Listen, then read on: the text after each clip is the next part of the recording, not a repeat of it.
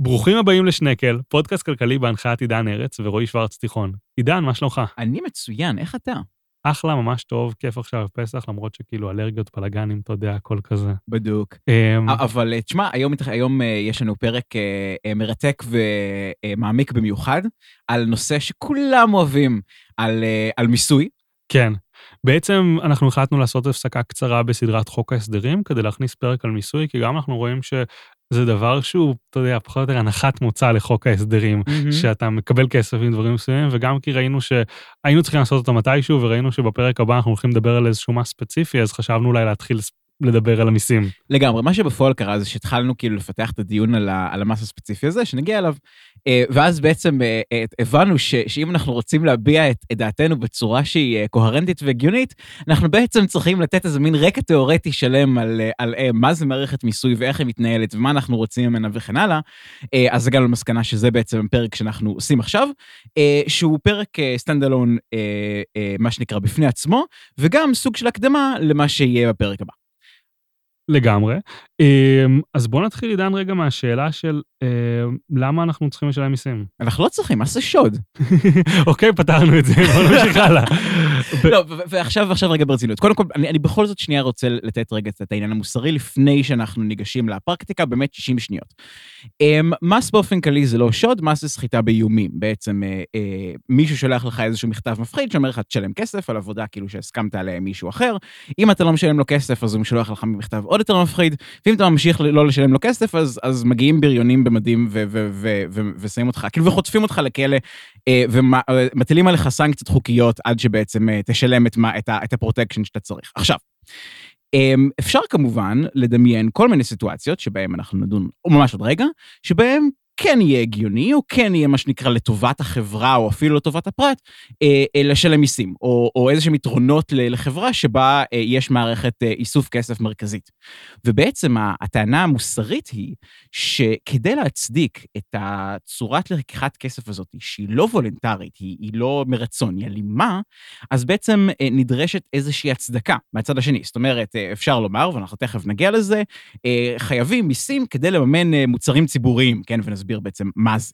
אבל בעצם אה, אה, מי שבא אה, לטעון שצריך, הוא זה שחובת ההוכחה מונחת על כתפיו, בעיניי, שבעצם הדבר שהוא מביא יהיה מספיק טוב וחשוב והכרחי, כדי שיהיה שווה בעצם לקחת מאנשים אה, אה, כסף אה, באלימות, עוד הרבה לפני כל העיוותים והבעיות בכל- הכלכליות שזה יוצר, וגם אליהן נגיע, וזהו, עד כאן החלק המוסרי על מיסים. רגע, אבל בואו שנייה, אני רוצה לשאול אותך שאלה על זה. אני למשל, כששמעתי את המונח מס זה שוד לראשונה, הוא מאוד הרתיע אותי וגרם לי להמון אנטגוניזם כלפי זה, כי אתה לוקח כן. בעצם מושג שאתה יודע, מבחינתנו הוא חלק יומיומי מהחברה, ורוב האנשים מאמינים שיש מטרות טובות לתשלום מס. אני חושב שגם אתה כן. מאמין שיש מטרות טובות. עכשיו, זה, ואתה וזה, קורא לו שוד שזה פעולה אלימה, קשה, מרתיעה מוסרית.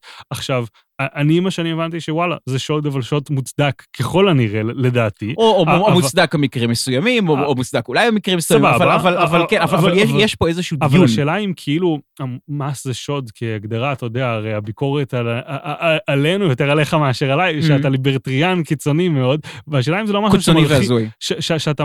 ומחוצ'קן, חלק אומרים. נכון, נכון. אה, והשאלה אם זה לא משהו שמרחיק את הציבור ממך יותר מאשר הוא מקרב אותו אליך. במקום שזו קריאה, קריאה למלחמה כנגד המדינה לגייס את שורות הליברטריאנים, אולי זה דווקא מקטין את שורות הליברטריאנים.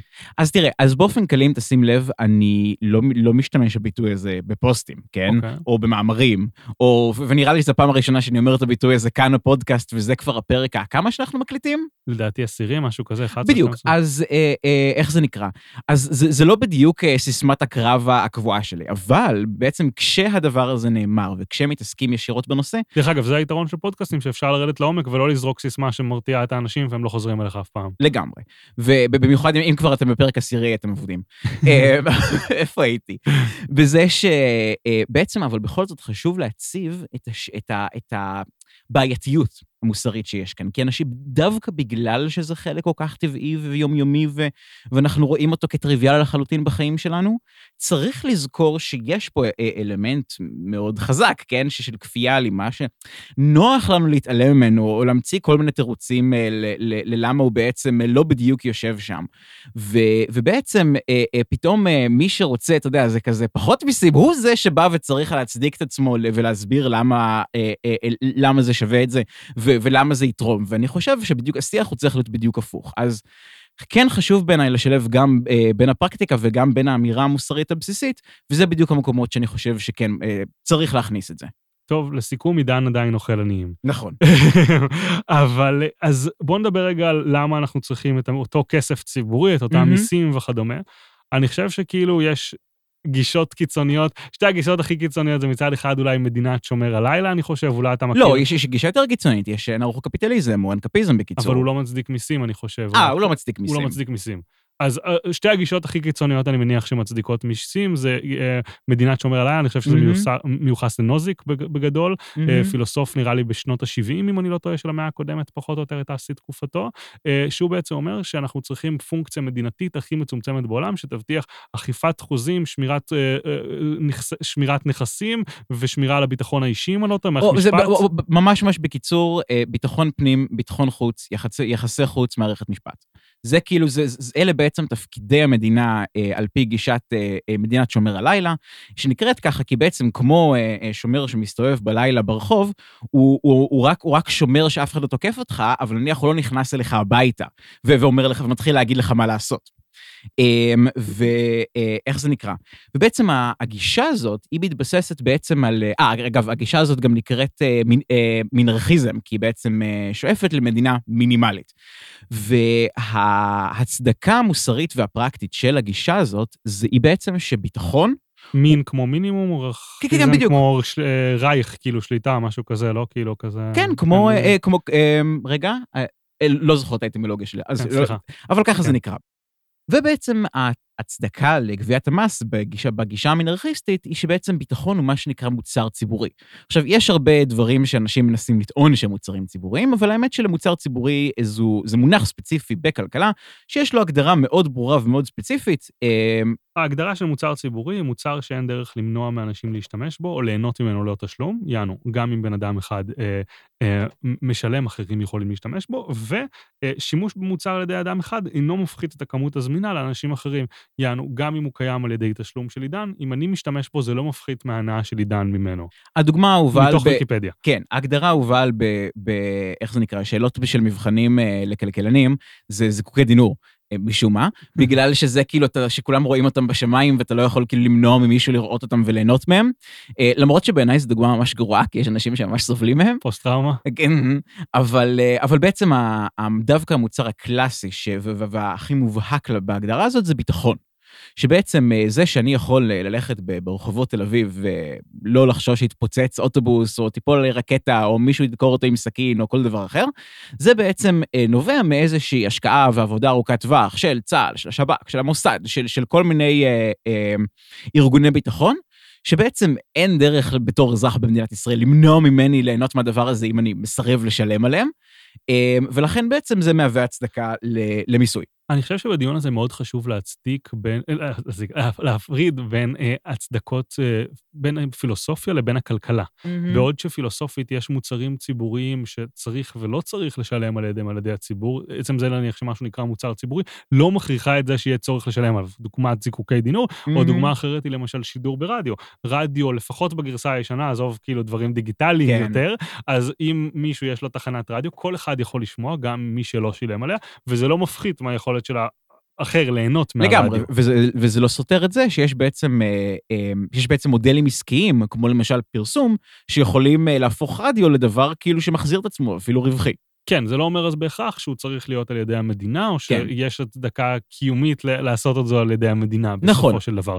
אבל אם עד עכשיו התמקדנו יותר בגישה המינימלית ובהצדקות המינימליות להתערבות מדינה, מנרכיזם וכדומה, מהצד השני אני חושב שאולי הגישה הכי קיצונית היא קומוניזם, שלא בעצם עושה מס על העבודה שלך, אלא ממסה את הזמן שלך בסופו של דבר. כן, שבעצם אומרת ש, שה, שכל הרכוש, כל מה שנקרא אמצעי הייצור במונחים המרקסיסטיים, הוא בעצם שייך למדינה.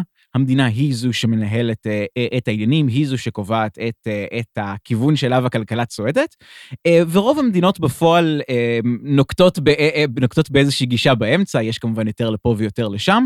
אגב, לא שזה בכלל ציר חד ומדי, אבל באמת כאילו... כן, יש כאן, אני חושב שאפשר להפריד את זה גם לתכנון ושליטה באמצעי הייצור מול מיסוי. לכאורה אפשר לעשות כלכלה חופשית לגמרי עם מס של 100%, שהכל הולך כן. למדינה. כן. יהיו שם בעיות אחרות מן הסתם וכדומה, אבל כאילו, יש כאן המון תתי צירים. לגמרי, הגישה הסינית, שהיא, אה, אה, איך זה נקרא, שעטנז מאוד מאוד לא נפוץ. אה, אבל בכל מקרה, אני חושב שהחלק הראשי והמעניין זה בעצם איזה מיסים יש לנו ואיזה מיסים אפשר לגבות ולמה. ובעצם מה היתרונות והחסרונות הפרקטיים של כל אחד מהם, בהינתן שהמטרה שלנו בסופו של דבר היא לממן איזה שהן הוצאות ממשלתיות, כן? בין אם זה כאמור על מוצרים ציבוריים כמו ביטחון, ובין אם זה על ידי, אתה יודע, כזה רווחה, או, או, איך, או איך זה נקרא, או סמלים לאומיים, או מערכות חינוך, או, או מפעלים ממשלתיים, או כל דבר אחר שהממשלה רוצה לעשות. אז עכשיו מה שאנחנו נעשה, אנחנו נדבר על המיסים הגדולים שהמדינה גובה מאיתנו. אמ, בעצם לפי הכנסות המדינה ממיסים מ-2016, זה קצת ישן, אבל זו הפעם האחרונה שאני מצאתי שהמדינה פרסמה את ההכנסה שלה מכל סוגי המיסים שיש. יש האמת אחד, אחד טיפה חדש יותר, אבל ב-2016 זה הדוח הרשמי והמלא. בכל מקרה, מה שחשוב זה בעצם אה, אה, איזה מיסים הם מהווים הכי הרבה מהכנסות המדינה, ואיזה מכניסים קצת פחות ממה שאנשים נוטים לחשוב. אז בגדול המדינה נוטה לחלק את ההכנסות שלה למיסים ישירים ומיסים עקיפים. אה, ב-2016 ההכנסות משניהם היו סדר גודל של 282 מיליארד שקל ביחד, ובערך חצי-חצי כל אחד מהם. כאשר המיסים הגדולים, הישירים הגדולים, זה מס הכנסה שמחולק לשכירים, חברות, עצמאים, מנהלי חברות. בואו נתחיל רגע ממס הכנסה לשכירים, נראה לי. לדעתי המס אולי הכי רלוונטי למרבית המאזינים שלנו. נכון, לא, אני חושב שמע"מ זה המס ש... שהכי רלוונטי לכולם, אבל, אבל, כן. הוא, אבל הוא יהיה עוד מעט. אה, מס הכנסה הוא, לג... הוא אחד המיסים הכי הכי קלאסיים שמדברים עליהם ב... אה, בעולמות של, של ניהול מיסוי. פשוט כי העלאה וההורדה שלו מאוד מאוד טעונים אידיאולוגית. אמ, זה למעשה רוב הדיון הפוליטי על, על מס הוא לא דיון כלכלי או פרקטי, או, או בואו ננסה, אתה יודע, זה כזה ל, ל, ל, אה, ליצור כמה שפחות עיוותים וכמה שיותר הכנסות, אלא יותר כזה, האם אנחנו רוצים עכשיו, אתה יודע, כזה, אה, אה, לדפוק את העשירים, ואז כאילו להעלות מס על שכבות מאוד מאוד, סליחה, על שכבות מאוד חזקות, כמו למשל שעכשיו לדעתי מרץ הציעו מס הכנסה חדש של 55 אחוז, מס הכנסה של 70 אחוז.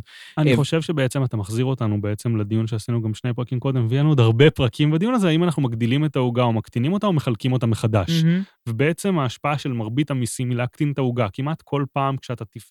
תיקח למישהו כסף על משהו שהוא עושה, הוא יעשה אותו פחות, שזה דבר די רע בסך הכל. יש כמה מקרים יוצאי דופן וכדומה, אבל בגדול יש טענה מוסרית שאומרת, אה, היינו רוצים בעצם להגיע למצב שבו לעניים יותר קל, ולכן בואו ניקח מיסוי יותר גבוה מהעשירים ונשתמש במדינה כדי להעביר להם אותה ישירות, לממן להם מוצרים בשבילם וכדומה לגמרי. וכדומה. אז סוג המיסוי הזה שבעצם אה, מטיל אחוז מס הרבה יותר גבוה לעשירים מאשר על העניים, נקרא מיסוי פרוגרסיבי. כן. אה, אגב, אה, זה מונחים חשובים כי, כי תכף נגיע אליהם בסוגי מיסים אחרים. מס שמטיל באחוזים אותו דבר על כולם נקרא מס ניטרלי, ומס שמטיל יותר על העניים מאשר על העשירים נקרא מס רגרסיבי, וגם יש כאלה. אמ, איך זה נקרא?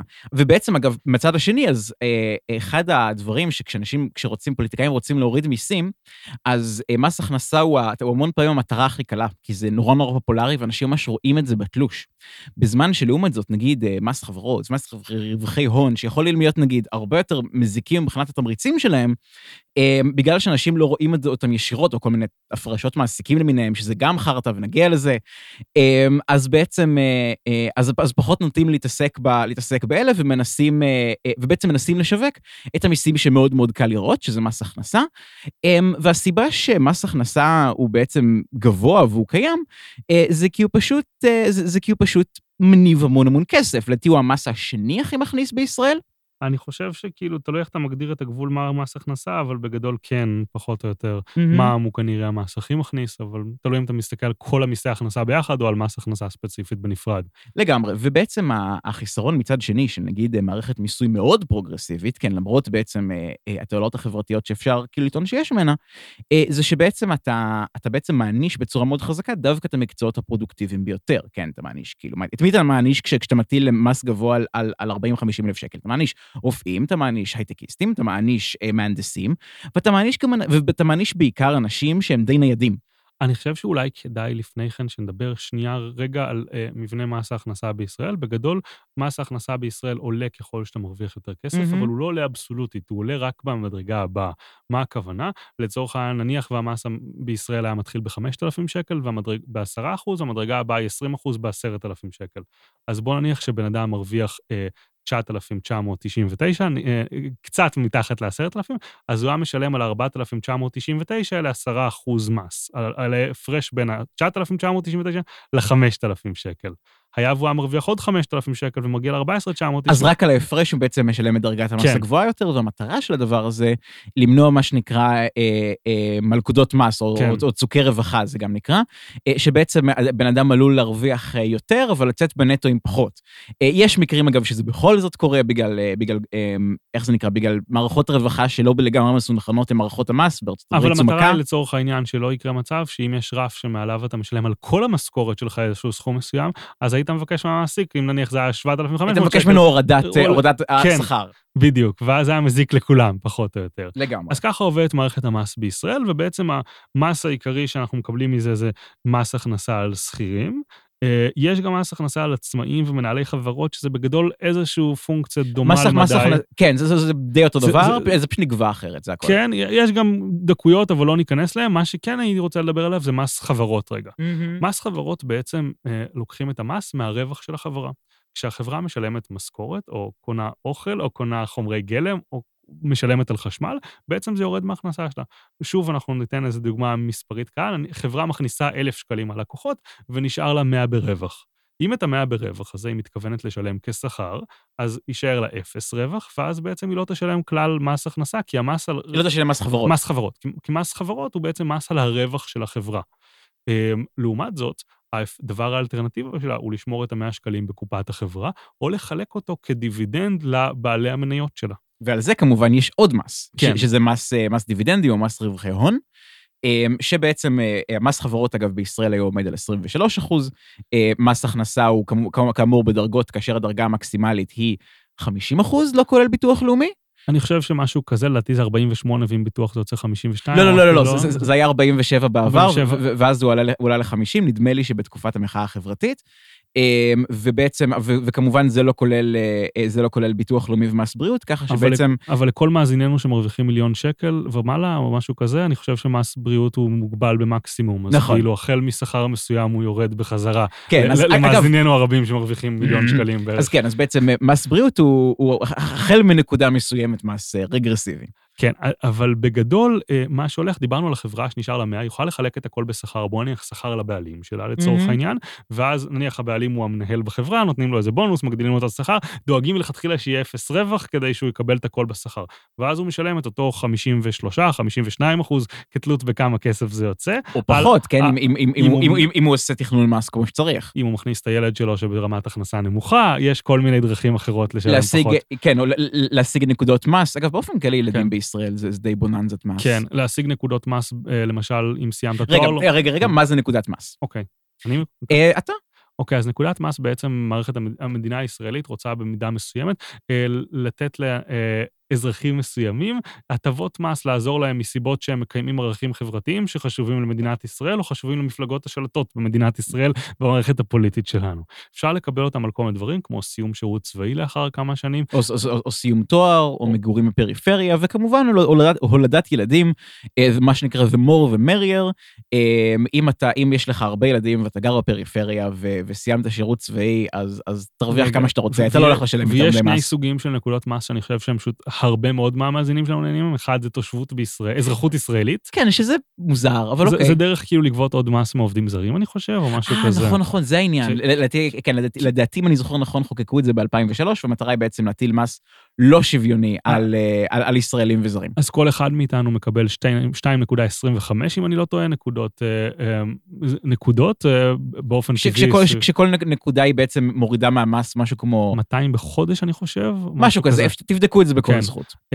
200 בחודש, ויש עוד נקוד, חצי נקודה נוספת שמקבלים עליה יותר חישה. אמ, נשים מקבלות בישראל חצי נקודת מס, וזה אומר שגבר ואישה שמרוויחים בברוטו סכום זה, האישה תקבל בנטו יותר. Mm-hmm. עכשיו, פחות או יותר מה שקורה בעצם זה שנניח המנהל ממוסה בדרגה הכי גבוהה לצורך העניין, והמאה שקלים הולכים אליו למשכורת, למנהל יש גם דרך אלטרנטיבית, אם הוא בעלים של החברה, לקבל את הכסף באמצעות זה שהוא ישאיר את זה כרווח בחברה, 100 שקלים רווח, הוא ישלם על זה 23 אחוז מס חברות, ואז עוד מס על דיבידנד שלדעתי... 25 אחוז. אבל, אבל, אבל זה בדיוק הקטע, כי בעצם יש... הנה דקות שלא חשבתם עליה במערכת מס. בסופו של דבר, דרגת המס ההכנסה המקסימלית ודרגת אה, מס חברות פלוס מס רווחי הון צריכה להיות פחות או יותר אותו דבר. אחרת אפשר להתחיל לעשות תכנוני מס. וזה לא מאוד קשה כשמרוויחים את הסכומים האלה. ולכן בעצם המס חברות, שהוא 25 אחוז, ועוד המס רווחי הון, שהוא 23 אחוז, אה, סליחה, להפך, 23 ו-25, יוצא בסך הכל 48 אה, אחוז, שזה, שזה ממש כמעט המדרגה האחרונה של מס הכנסה. כן, אבל עשית כאן טעות קטנה, אני חושב. מה? שעושים 23 אחוז מ-100, זה יוצא 77 אחוז. אה, נכון, ועל זה, כן. ואז 25 אחוז מה-77, שזה יוצא סכום יותר קטן. ולכן, כרגע הדרגה המקסימלית של מיסוי שכזה יותר נמוכה למיטב ידיעתי, מאשר, mm. אה, מאשר מיסוי הכנסה ליחידים ברמה הכי גבוהה שלו. לגמרי, אגב, ועכשיו דמיין לך למשל, שמגיע איזשהו אה, פקיד אוצר, או, או, או, או, או, או שר עם השכלה כלכלית גבוהה ממוצע, רואה את העיוות הזה ואומר, בוא, בוא נתקן אותו, זה לא הגיוני. אנשים הרי מתחמנים את המערכת. רגע, אני רק רוצה להגיד, בוא, בוא נהיה רגע כנים. נו. כל שר אוצר במדינה, כל שר, השר הכי מטומטם במדינה מבין את זה, זה לא כזה מסובך. נכון. להבין את זה, וכמובן שיש אלפי אנשים טובים במשרד האוצר שמבינים את זה ושוחים בזה אפילו יותר ממני ממך, ובטח מצאו שבע טעויות במה שאמרנו עד עכשיו. לגמרי. אבל, אבל נגיד, אה, נגיד השר או שר או אחד הפקידים מוצא משהו כזה, סבבה? כן. אה, אה, איך זה נקרא? כזה. ואז הוא מגיע, ואז הוא בעצם מגיע ואומר, טוב, אז הדרך כאילו הגיונית לתקן את זה, היא, היא, היא להוריד כאילו את, את, מס, את מס הכנסה לגובה כאילו הריאלי, כדי שאנשים לא סתם יפתחו חברות ויטרטרו כאילו את כל העולם ואשתו. אבל אז אנשים יגידו, מה, איך אתם מקצצים בשכר של העשירים ביותר, אתם מקמבנים את החברים שלכם, הטייקונים, ובעצם זה, זה בדיוק אחד החסרונות, שלמרות ה, שברור שכאילו מיסים משפיעים בה, על, על כל מיני מטרות ערכיות ועל כל מיני מטרות חברתיות, עדיין אה, אה, אנשים חושבים שבעצם אה, מיסים הם איזושהי השתקפות של הראייה החברתית שלנו, ו- ו- ולא אה, מערכת מורכבת ברמה אימתנית.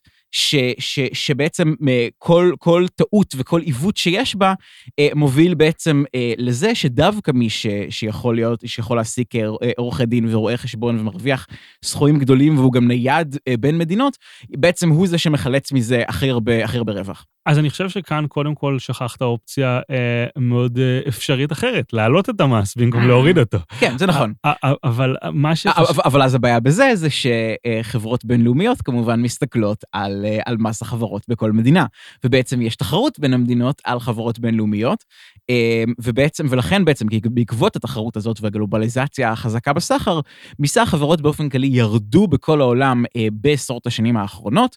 גם אנחנו היינו פעם על איזה 60 ומשהו אחוז, היום דברים שהיום נראים כאילו הזויים ומטורפים, אה, והיום אנחנו בעצם על 23, וכרגע הדיבור הוא על להוריד עוד, ואנחנו באמת נרוויח מזה. כי בעצם יש כאן מצב שלכל מדינה יש אינטרס להוריד כמה שיותר את המס חברות, למשוך חברות אליה, ואז הם יעסיקו עוד אנשים שאולי ישלמו מיסי הכנסה אצלם במדינה, יקנו במע"מ, או סתם יפתחו את הכלכלה. יקנו במע"מ, ישלמו מיסים על רכוש וכדומה וכדומה, ובעצם יש כאן איזשהו... לא יודע אם מרוץ לתחתית יש כאן איזשהו שם, יש כאן איזשהו אה, מצלול נגטיבי, איך, איך אומרים, אה, זה נשמע נגט, שלילי. פידבק נגטיבי. לא, אני אומר, אני לא בהכרח בטוח שזה מרוץ לתחתית נשמע כמו דבר 아, אה, שלילי. אוקיי, אני לא כן. לא בטוח שהורדת מיסים בכלל היא דבר שלילי בהכרח, mm-hmm. אבל בגדול יש כאן מרוץ שכביכול למדינות משתלם לעשות נכון. משהו נמוך יותר, אלא אם כן תהיה איזושהי אמנה בינלאומית שיצליחו לאכוף אותה על כל מדינה בעולם או משהו כזה. Mm, כן, אני, אולי... אני, אני בטוח שעכשיו, שמחר אה, אה, הצי האמריקאי פולש לאיי סיישל כדי לאכוף את חוקי המס של ה-IRS. אז רגע לגבי מס חברות, כמו שעידן אמר בעצם, למרות שאולי ייתכן שמוסרית היינו רוצים שהוא יהיה גבוה, פרקטית מבחינה כלכלית, שימו מוצר בצד, לא אכפת אכפת לי, אה, אם אני, לא אכפת לי למסות אנשים ב-100% או ב-0%, מבחינה כלכלית זה מס לא טוב, כי אנחנו בעצם לוקחים חברות ממדינת ישראל וכאילו גורמים להם לעבור למקומות אחרים. לא רק זה, גם, כשבעצם אה, העניין הוא, הוא, הוא לא הבריחה של חברות, כן? אה, אל, אלא נטו בעצם כמה בעלי המניות של החברות האלו, הבעלים של החברות האלה, סופגים על עצמם וכמה הם מגלגלים הלאה, כי אנחנו בעצם יודעים שכל מס, זה מה שחשוב להזכיר, כל מס שמטילים אותו, זה בעצם, צריך לתת טיפה הקדמה, הוא מתחלק בין, בין, מי ש, בין מי שמשלם אותו בפועל לבין הלקוחות שלו. כן. אה, או, או הספקים שלו. ובעצם, לדוגמה, כשמטילים מע"מ, ההפסד במע"מ הוא בעצם חלק ממנו המקום, כאילו שהוא סופג על עצמו, זאת אומרת, היצרן סופג על עצמו, וחלק הוא מגלגל על הצרכן בהעלאות מחירים. נניח ההנחה המאוד בולטת בציבור היא שכשאם מעלים את המע"מ מ-17 ל-18 אחוז, כל מוצר במשק יתייקר באחוז. עכשיו, זה לא מדויק. הוא מתייקר בפחות מאחוז. א', הוא מתייקר בפחות מאחוז, ב', ההפסד של היצרנים הוא לא נובע רק מההתייקרות, נניח, לצורך העניין המוצר מתייקר מ-17 ל-17.5 אחוז המע"מ עולה, וחצי אחוז סופג היצרן, אבל היצרן לא סופג רק את ההפרש באחוזים, הוא גם סופג את זה שיש פחות מכירות מהמוצר. נכון, כי עכשיו המחירים יקרים יותר ואנשים פחות נלהבים לקנות. כן. ובעצם הקטע המעניין הוא שמס חברות, אגב, אתה יכול לנחש כמה ממנו, עשו מחקר מאוד מאוד יפה בארצות הברית, על, עם כל מיני חברות שפועלים בכל מיני states, עם, עם כמה אה, אחוזים של מס, עם אחוזים שונים של מס חברות. אתה יודע כמה החברות סופגות על עצמן וכמה מגלגלות לעובדים ולצרכנים? מעריך ש-65% מגלגלים ו-35% על עצמם? טוב, טוב, אתה, זה די קרוב, 31% החברות אה, לוקחות על עצמן, ואת כל השאר מתחלק, אה, האמת, אה, כמעט שווה בשווה אה, יותר על העובדים מאשר על הצרכנים. אה, אז נניח אני פוליטיקאית שרוצה להלאים דברים, ולכן אני קוראת להם שלי, כי כל הדברים במשק, קוראים לי שלי, כי כל הדברים במשק הם שלי. נכון. ואני רוצה לדפוק את הבריונים, הטייקונים, העשירים, שסוחטים אותנו וגורמים לנו לחיות בתנאי עבדות מודרנית. וכן, אז אנחנו נטיל עליהם מס חברות. בעצם, אז אתה אומר שמי שישלם את זה זה האזרחים ולא הטייקונים? בעיקר, כן. למעשה, שני, שני שליש מהמחיר ייפול על, האזר, ייפול על האזרחים, גם הן כעובדים והן כצרכנים. נעשה כאן הרחבה קצרה ולא ניכנס לזה עומק. איך שמס מתחלק בין, בין היצרנים לבין הצרכנים, נקרא, תלוי בגמישות הביקוש, כמה לכל אחד זה חשוב המס הזה. אני חושב שנתנו דוגמה לדברים זה, זה, דומים. זה מה שבעצם, מה שבעצם משנה פה זה כמה השוק הזה תחרותי.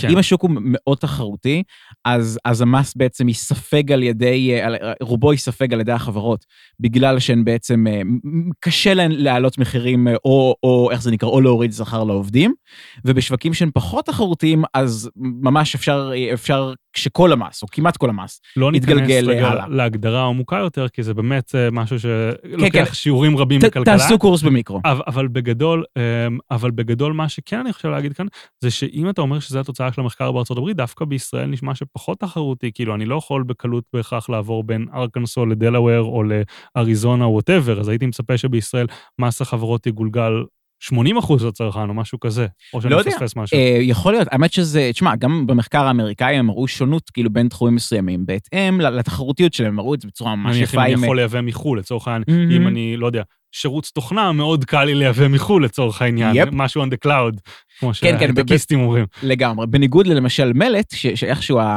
המפעלי מלט בישראל כל כך כושלים, שאשכרה שווה להעמיס מכולות. במלט, במלט, הדבר הזה לא שווה כלום והוא שוקל טונות. ולהעביר אותו כל הדרך מיוון לישראל, וזה עדיין יהיה יותר זול. בכל מקרה. עידן קצת עצבני. כן, כן. אמ, אז בוא נראה. אז, אז, אז רק אה, לסיים את הקטע, אנחנו רוצים שוויון בין המס שישלם בעל ההכנסה הגבוהה ביותר, לבין המס שהוא ישלם דרך חברה, ומכיוון שאין שוויון כזה, זה יוצר מה שקורה חברות ארנק. חברת ארנק היא בעצם, אם אני בא להיות בעלים של חברה, או אפילו מנהל בכיר בחלק מהמקרים, אני יוצר חברה ואומר לחברה שמעסיקה... לא, לא, ולחברה זה קרוי אה, רועי שוורץ תיכון אה, ניהול נכסים ושונות. יש לי איזה חברה לא רחוקה מהשם הזה מה אתה אומר? אבל אני לא משתמש בה למטרה הזאת, היא רדומה כרגע. anyway, אמ, מה שקורה... רגע, רגע, רועי שוורץ תיכון הרווחת כסף בכל דרך חוקית בעם. למה רק חוקית? כן, נחזור רגע לענייננו. אז בגדול מה שאתה עושה, אתה בא ואומר למעסיק שלך, נניח המעסיק שלי הוא לא יודע, חברה כלשהי, נניח אה, עידן ארץ אה, החזקות בע"מ, אז נניח עידן, אני אומר לו, אה, אני אמכור לך שירותי ניהול מהחברה שלי, רועי שוורץ, תיכון אה, החזקות והכנסת כסף בכל דרך חוקית בע"מ, ואתה תשלם לחברה. ואז ברגע שקיבלתי את זה בחברה, א', אני יכול להפריש לעצמי משכורת עד לעלויות המס הנמוכות יותר, ב', אני יכול להזדכות על הרבה הוצאות מחיה שלי, לצורך העניין. חשמל, ארנונה, מגור, אה, לא מגורים בחלק מהמקרים. חלק מהחליפות שלי אולי, דברים נכון. כאלה, אני יכול לרשום אותם אה, איך זה. נקרא? אה, אה, כיבוד למשרד. זה- כיבוד למשרד. זה דבר, זה- זו הוצאה נהדרת. בעצם יכול להיות שאני אעבוד דווקא במשרדים של החברה של עידן, אבל אני אצור לי משרד במרכאות בבית, והרבה מההוצאות הביתיות שלי, אני ארשום אתה אותם מעמיס כהוצאות, על החברה. כהוצאות עסקיות, ואז את השאר, אחרי שהגעתי לדרגת המס המקסימלית, אני אקח כדיבידנד. עכשיו, בואו נדבר על...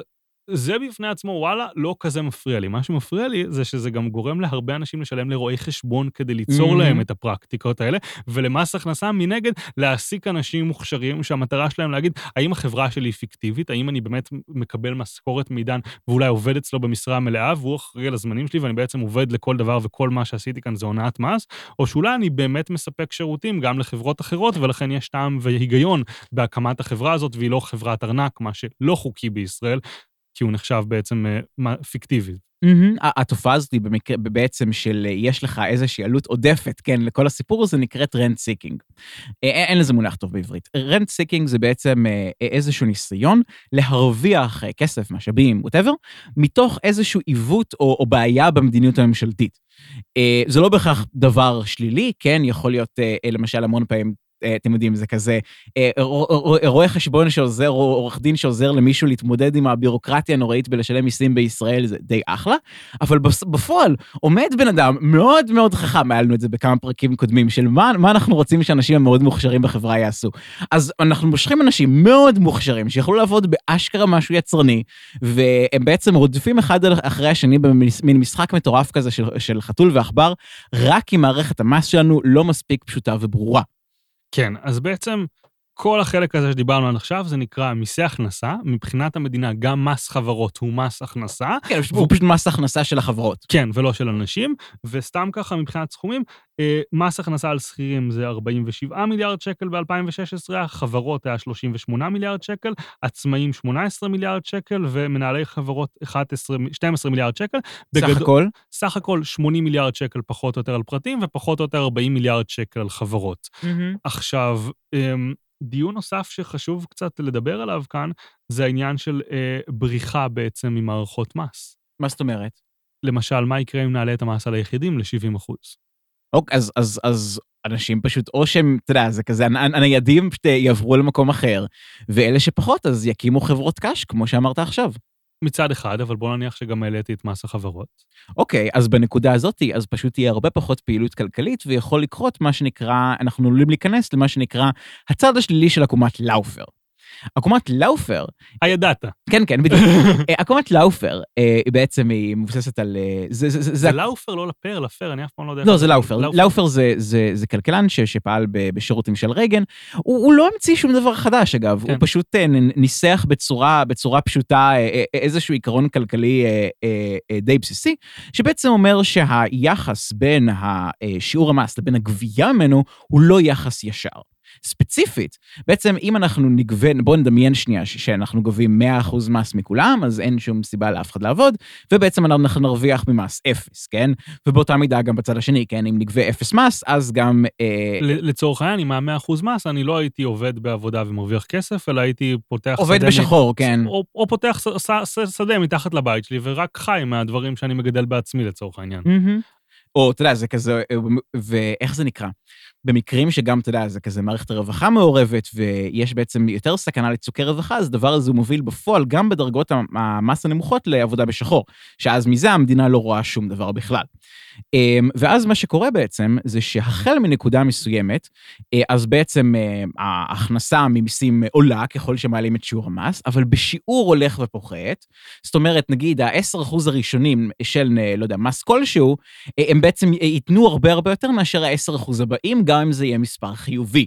ובעצם החל ממספר מסוים והלאה, זה ככל הנראה מספר מאוד גבוה, אז בעצם, אז ממש יכולה להיות ירידה ממש בהכנסות ממיסים. אני חושב שהדבר הכי קרוב לזה אה, שיש בארץ, נתקלתי בזה בשני מקרים. מקרה אחד, זה מס החברות בישראל, שדיברנו עליו הרגע, שבעצם ירד באופן קונסיס, קונסיסטנטי בעשור, שניים האחרונים, אבל ההכנסות ממס חברות עלו בצורה יוצאת מן הכלל. הם עלו גם מעבר לצמיחה במשק. הרבה, אבל גם הרבה מעבר לצמיחה. בעצם כאילו הורדת המיסים ממש ממש אה, אה, עזרה לישראל אה, להפוך להיות פתוחה ל, ל, להשקעות בינלאומיות, ויש לזה המון המון תועלות, ככה שבעצם אנחנו ממש מרוויחים יותר מזה שיש לנו מס חברות נמוך יותר. אה, ו, ודוגמה שנייה למתי שנתקלתי בזה, זה במקרה של מכסים. יש מכסים שהם כל כך גבוהים, כי המטרה שלהם היא בכלל לא להרוויח כסף. המטרה שלהם היא למנוע כניסה של יבוא. נגיד, אתה יודע, אם אני לוקח עכשיו אה, מכס של 234 אחוז על עגבניות, אגב, לא רחוק במספר האמיתי לדעתי, אה, אז אני לא צוחק בכלל. אז, אז, בעצם, אה, אז בעצם מה שקורה זה פשוט אף אחד לא רוצה לייבא עגבניות מחו"ל, אלא אם כן הוא מתקמבן על, על מכסות פטורות מכס, אבל זה... זה, זה לפרק אחר. זה ממש לפרק אחר. ואיך קוראים לזה? ואז בעצם, נגיד כשהורידו את המכס על טונה בהדרגה, אז בשלבים הראשונים שהורידו אותו מהדרגה הגבוהה ביותר לדרגות ביניים, ביניים, אז ההכנסה ממכס עלתה, כי פתאום היה אפשר לייבא, ואנשים אשכרה התחילו לשלם את המס הזה. אז כן, זה בעצם שתי דוגמאות. כי בעצם אה, מכס מעל סף מסוים הוא לא באמת מכס, אלא הוא איסור יבוא פשוט. נכון. אני האמת היא פעם ראשונה שנתקלתי במקרה הזה, uh, לפחות זה משהו שאבא אמר לי, אני חושב, סביב גיל עשר, לדעתי היינו בדיוק בנסיעה בבת גלים כשהוא סיפר לי את זה, לא הייתי כלכלן בשום צורה, אבל הוא סיפר לי על בזמנו שהיה בארץ מס מותרות. נכון. למשל תכשיטים או דברים כאלו, הוא אמר לי שהיה סביב איזה 250 אחוז, ואז לטענתו, אני לא, לא בדקתי את זה, הורידו אותו בערך מ-250 אחוז לאיזה 50 אחוז, ופתאום הגבייה גדלה מאוד משמעותית, ואנשים התחילו לקנות תכשיטים וכדומה, או שהם קנו גם קודם ופתאום הצהירו על זה. Mm-hmm. דרך אגב, בגלל שהמיסים בישראל ובמרבית העולם הערבי היו בעבר הרבה יותר גבוהים מאשר היום, אני למשל, בזמנו היה לי איזה רעיון לסטארט-אפ שעסק בין היתר בעצמאים. Mm. וכל פעם כשבאתי להתייעץ על זה, אה, ראיתי ממש שכתלות בגיל של הבן אדם שאני שואל אותו, ככל שבן אדם יותר מבוגר, הוא יותר אומר לי על דברים כמו הכנסות בשחור ושזה בעייתי וכדומה. כי בעצם הסבים של רובנו, אם הם חיו בארץ, הם חיו בעולם שבו לשלם כסף בשחור היה משהו מאוד ניכר מהפעילות העסקית. היום... כי זהו, כי, כי לא, לא יכולת לשלם את המיסים שהיו. אגב, וזה נכון, אגב, ממש לא רק בישראל, יש גם, אה, איך זה נקרא, המון המון אה, אה, סוציאליסטים אוהבים למשל להביא אה, גרפים מאוד יפים של נגיד צמיחה של ארצות הברית ב-50's וב-60's, שיהיו להם שיעורי מס ביזאריים, כן? כן? בכל העולם הערבי. אבל הם לא קולטים שאנשים לא באמת שילמו את שיעורי המס האלה. כן. אז או שבעצם זה היה כזה מיסים על, ה, על, ה, על, ה, על השירים ביותר ביותר, וכדי להגיד שיש לנו מס של 65 אחוז, או שפשוט אף אחד לא הגיע לזה וכולם בעצם... איך זה נקרא, הורידו את המס שלהם או ברחו למדינות אה, אחרות, כדי בעצם אה, לשלם פחות מיסים. יש אפילו שיר אה, על התקופה הזאת, טקסמן אה, של הביטלס, אה, שנאלצו לשלם כמות ביזארית של, אה, של כספים, וממש עברו בין מדינות כתוצאה מזה. אולי בגלל זה הם התפרקו ולא בגלל יוקו. אבל ממש בגדול, אם למשל, תמיד, בוא נניח שכל האנשים הם אנשים רציונליים, קרי לב, שלא רוצים להשתתף במאמץ, להיות מתחת לאלונקה ולעזור לתשלום המס. ככל שהמס יותר גדול, אז יש לך יותר תמריץ להימנע מלשלם אותו.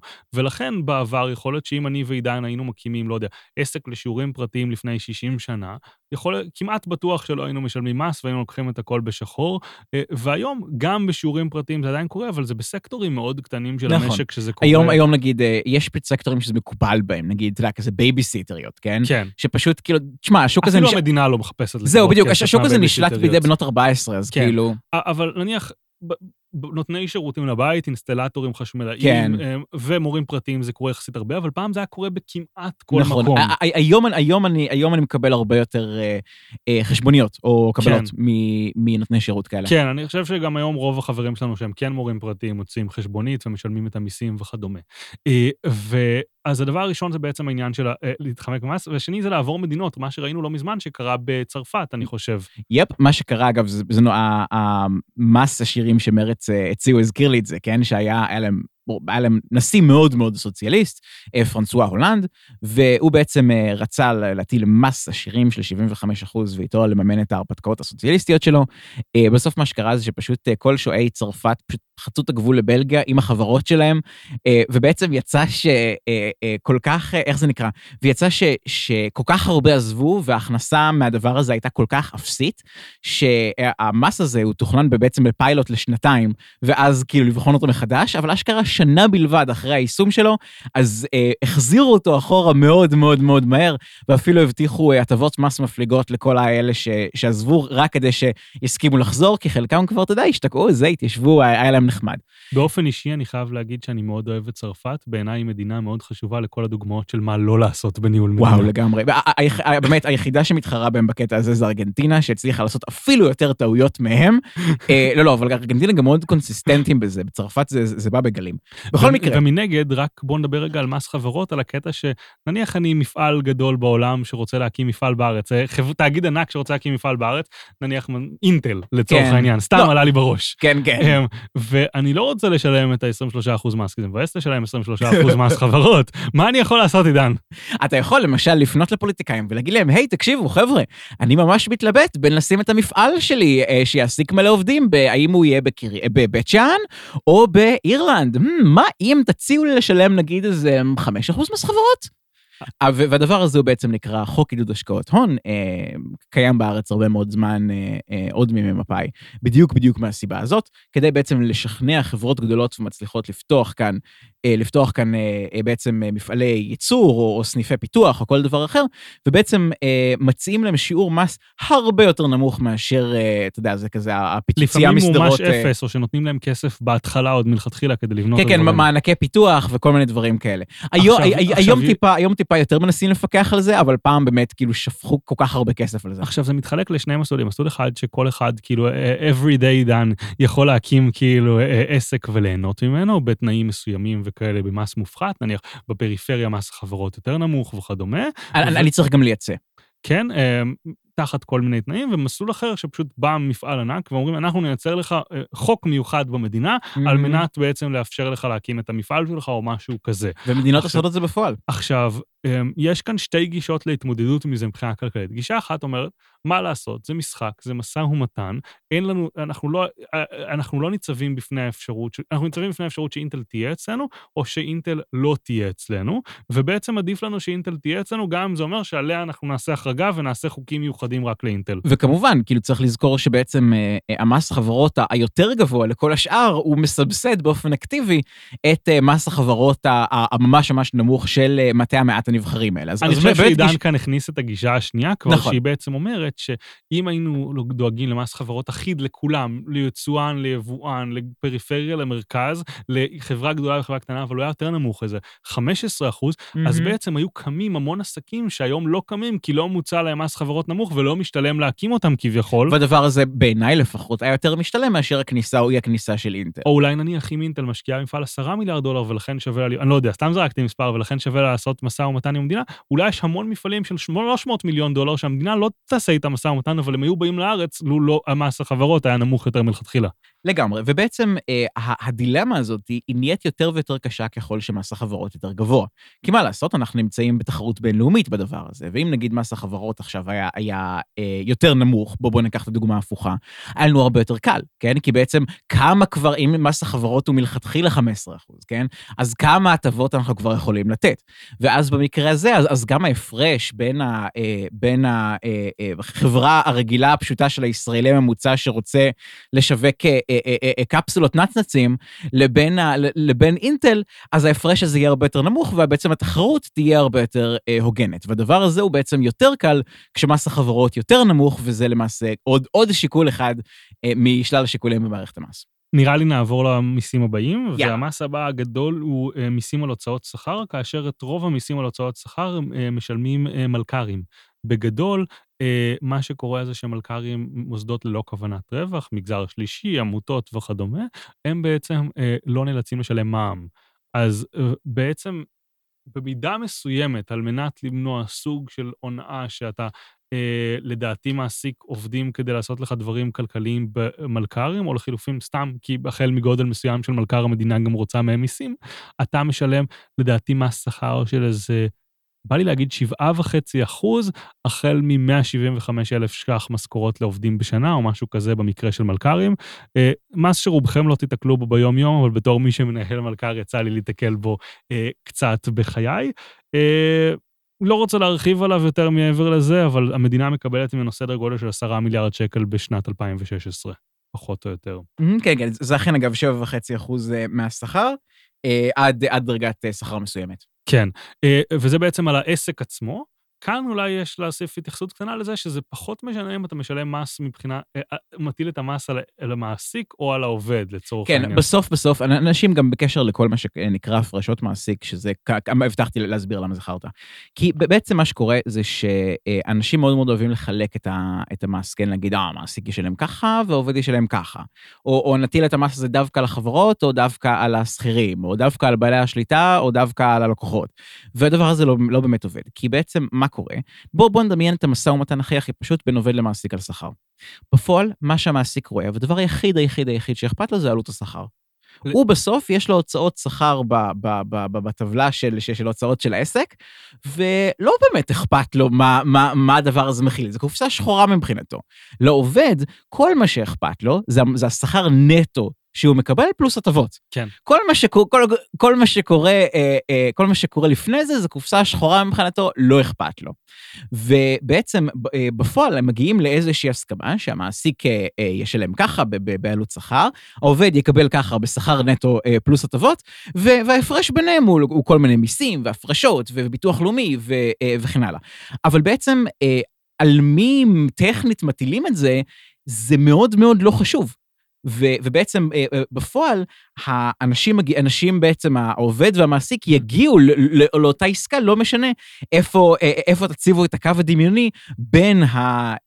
בין ה עלות שכר לבין המשכורת נטו. לצורך העניין, כשמעסיק בא להעסיק עובד חדש, אה, בגלל שהוא צריך לשלם גם הפרשות על פנסיה וגם הפרשות על פיצויים וכדומה, הוא בעצם אומר לעצמו, אם הוא רוצה לשלם, אם השכר לעובד יהיה 10,000, המעסיק חושב על זה כ-12,500, 13,000, כן. משהו כזה. זאת אומרת, האם העובד הזה מייצר לי 12,500 בחודש? כן. זה השאלה שהמעסיק שואל את עצמו. וזה חסר משמעות מבחינתנו, אם העובד היה מפריש את המס, לצורך העניין, אם מחר הבוקר אומרים שהעובד צריך להפריש לעצמו פיצויי פיטורים לצורך העניין, או המעסיק מפריש אותו, הוא מפריש חלק, הוא מפריש חלק, זה חסר כל משמעות. ההבדל הוא אם היה כתוב לך בטוח 13 והיה נשאר לך את אותו 8,000 נניח, או היה כתוב לך 10,000 והיה נשאר לך 8,000. אגב, בפועל זה דרך של המדינה להסתיר ממך כמה מס אתה משלם.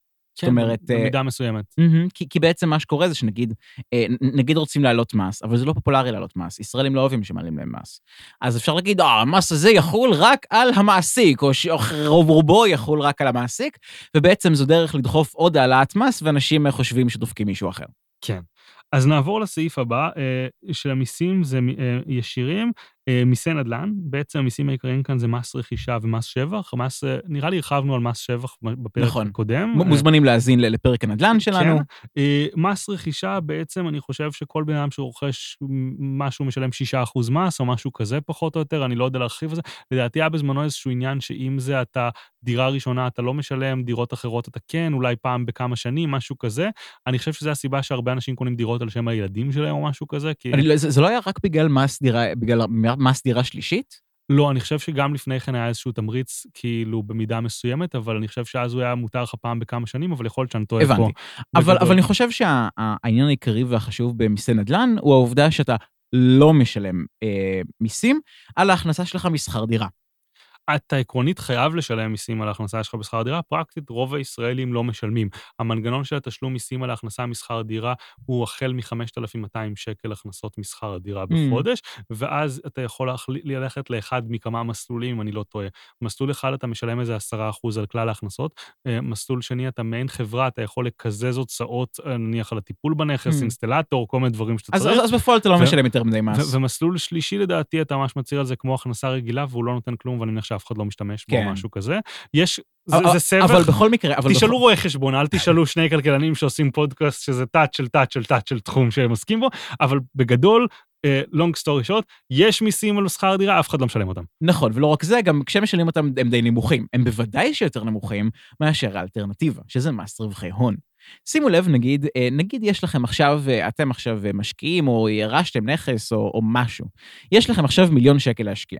אתם יכולים עכשיו לקנות דירה במיליון שקל, או לקנות מניות במיליון שקל. עכשיו, נגיד ש... איך זה נקרא? אחרי איזשהו איקס זמן, ה, ה, יש, יש רווח קבוע מהנכס, אני חושב שבוא בוא נעשה את זה אחרת. כן. אתה יכול לקנות אמ, עשרה מיליון שקל בניין, או שאתה יכול לקנות מניות של בניין בעשרה מיליון שקל. Hmm, אוקיי, נכון, נכון, נכון, צודק לגמרי. אתה יכול לקנות חברה שמנהלת בניין בעשרה מיליון שקל, לגמרי. עכשיו, אמ, ואז בעצם מה שקורה זה שמהרווחים על החברה, אה, אה, אתה תשלם 25 אחוז, ואילו מהרווחים על, אה, על הרווחים משכר דירה, אתה תשלם 10 אחוז במקרה הכי גבוה. אני מניח שאם יש לך נדל"ן מסחרי קצת, זה קצת שונה בדברים האלה וכדומה, אבל לשם הדוגמה. כן. ו, אה, ובעצם הדבר הזה יצר אה, עיוות מס מאוד מאוד ניכר, במיוחד כשהעלו את מס רווחי הון אחרי 2011, מ-20% ל-25%, והדבר הזה הוא בעצם גרם לקצת אה, התאדות של ישראלים מה, מהבורסה הישראלית, אמ, וגם, בין השאר, לעלייה במחירי הדיור, בגלל שבעצם הרבה משקיעים המשיכו להשקיע בדיור, וזה נורא מצחיק שעשו את זה דווקא אחרי 2011, שהייתה מחאה כאילו שקמה על מחירי הדיור, ואחריה כמובן מחירי הדיור עלו עוד הרבה בין השאר בגלל זה, בגלל שבעצם הרבה מאוד משקיעים נכנסו לתחום, אה, כאלטרנטיבה פחות ממוסת אה, להשקעות בהון.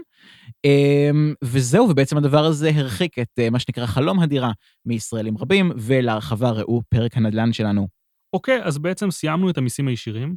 אה, מיסים הישירים אמרנו, מיסי הכנסה למיניהם, סדר גודל של 120 מיליארד שקל, אה, מיסים על הוצאות שכר עוד סדר גודל של 15, אה, מיסי נדל"ן עוד סדר גודל של 10 מיליארד, ועכשיו אנחנו מגיעים למיסים עקיפים. אוקיי, נתחיל במס העקיף הגדול ביותר, זה שאנחנו משלמים אותו בכל רכישה. המע"מ. כן, כן, המע"מ, זה, זה המס הכי חשוב, הכי גדול בישראל. 90 מיליארד שקל הכנסות למדינה ב-2016. כן, מכולה 17 אחוז כאילו שיעור מס, זה מטורף. כן. Uh, היתרון של, של מע"מ, בניגוד לכל מס אחר, זה שמאוד, מאוד, מאוד קשה להעלים אותו. כאילו, אפשר, אבל המון פעמים, אבל המערכת עצמה בנויה ככה שלא ישתלם לך. כן. Uh, כי בעצם uh, בגלל עניין של ההתקזזות סביב ההתקזזות על, על הוצאות, אז מאוד מאוד משתלם לך לבקש ממש קבלה מסודרת מהספקים שלך. כן. אמ, ואז הם בעצם בתורם אה, אה, אה, נאלצים לדווח על ההכנסה הזאת ולשלם עליה מע"מ. אני חושב שמע"מ זה אחת הנקודות מחלוקת העיקריות בין כלכלנים לבין אנשים אחרים, בוא נגיד ככה, okay. אוקיי. שכלכלנים רואים אותו כמס מאוד מאוד נוח וחשוב, ולכן לצורך העניין, לו עולם היה מנוהל על ידי כלכלנים, היית יוצר מערכת שלא צריך ברואה חשבון אחד פחות או יותר, כי המיסים היו מאוד פשוטים, כולם משלמים מע"מ, היה מערכת שהייתה יודעת לעשות את המע"מ להכל, ולא הייתה אולי משלם אף מס אחר, פחות או יותר. וזה אפילו היה מספר עגול. אה, בכל מקרה, אגב, באמת באסטוניה עשו את זה, באסטוניה יש להם אה, מע"מ 20%, מס חברות 20%, מס הכנסה 20%, וזהו.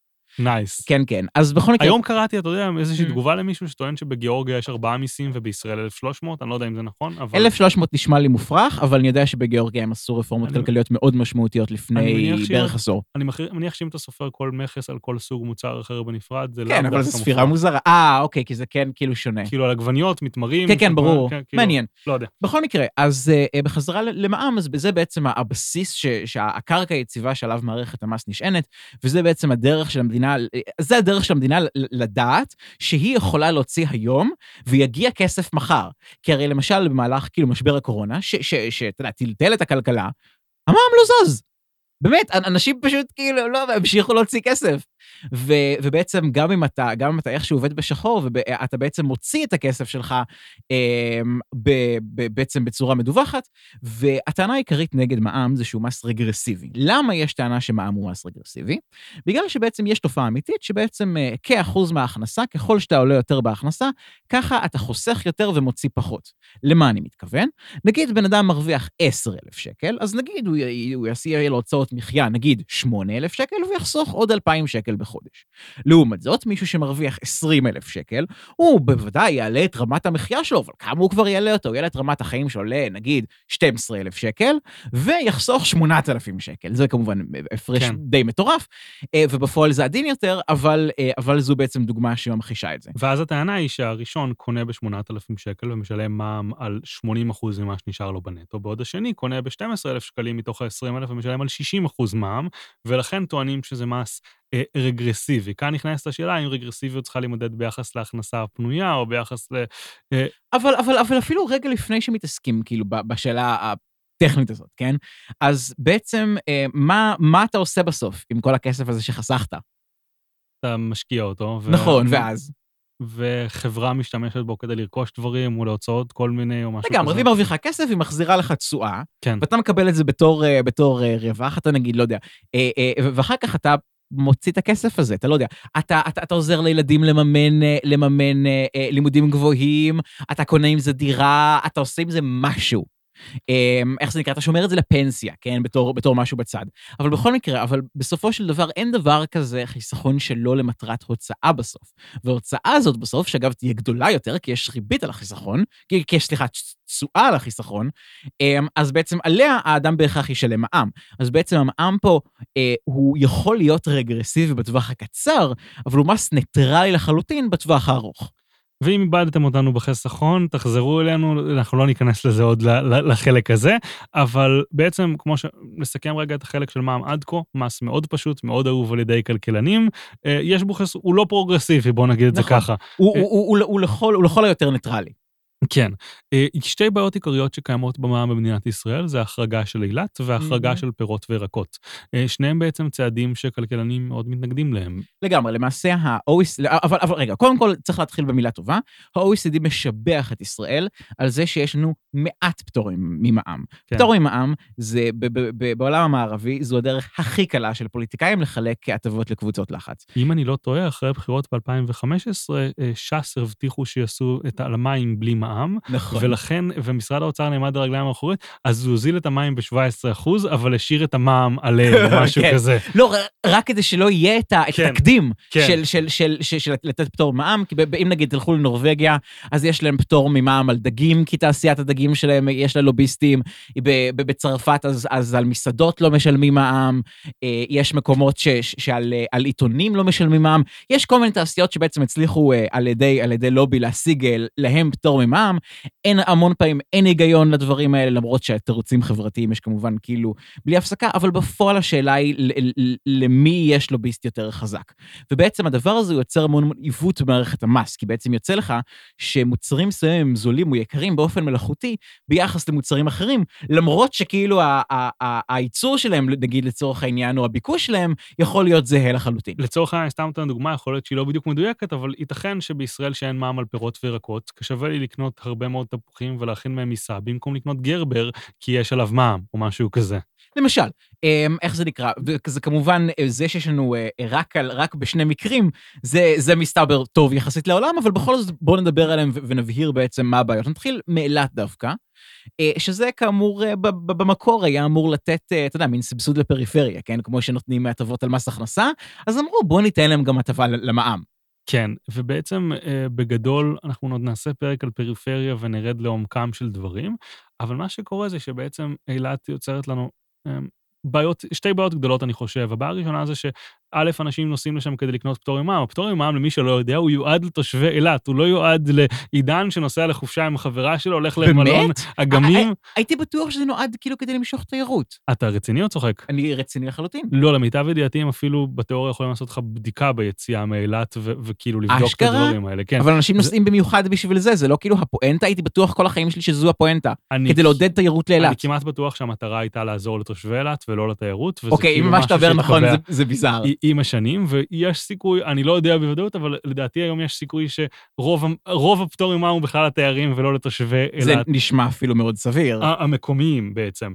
עכשיו, כאילו, שימו בצד את זה שזאת לא המטרה, זה יוצר לך בעצם תמריץ לנסוע לאילת במיוחד. ולבזבז מלא דלק. כן, ת- אתם יודעים כמה אנשים, טוב, הלך לי הלפטופ, אוקיי, בוא אני אשן- אעשה חופשה באילת של סוף שבוע, אשלם את ההפרש על המע"מ לבית מלון, כאילו, וזה לא דבר טוב מבחינת המדינה, כי המדינה לא רוצה, לא צריכה לעודד אותך לרכוש דברים שאתה לא רוצה לרכוש, או הפוך. היתרון, מערכ- מערכת מס אידיאלית צריכה להיות ניטרלית. היא צריכה אמורה לא להשפיע על הבחירות שלך.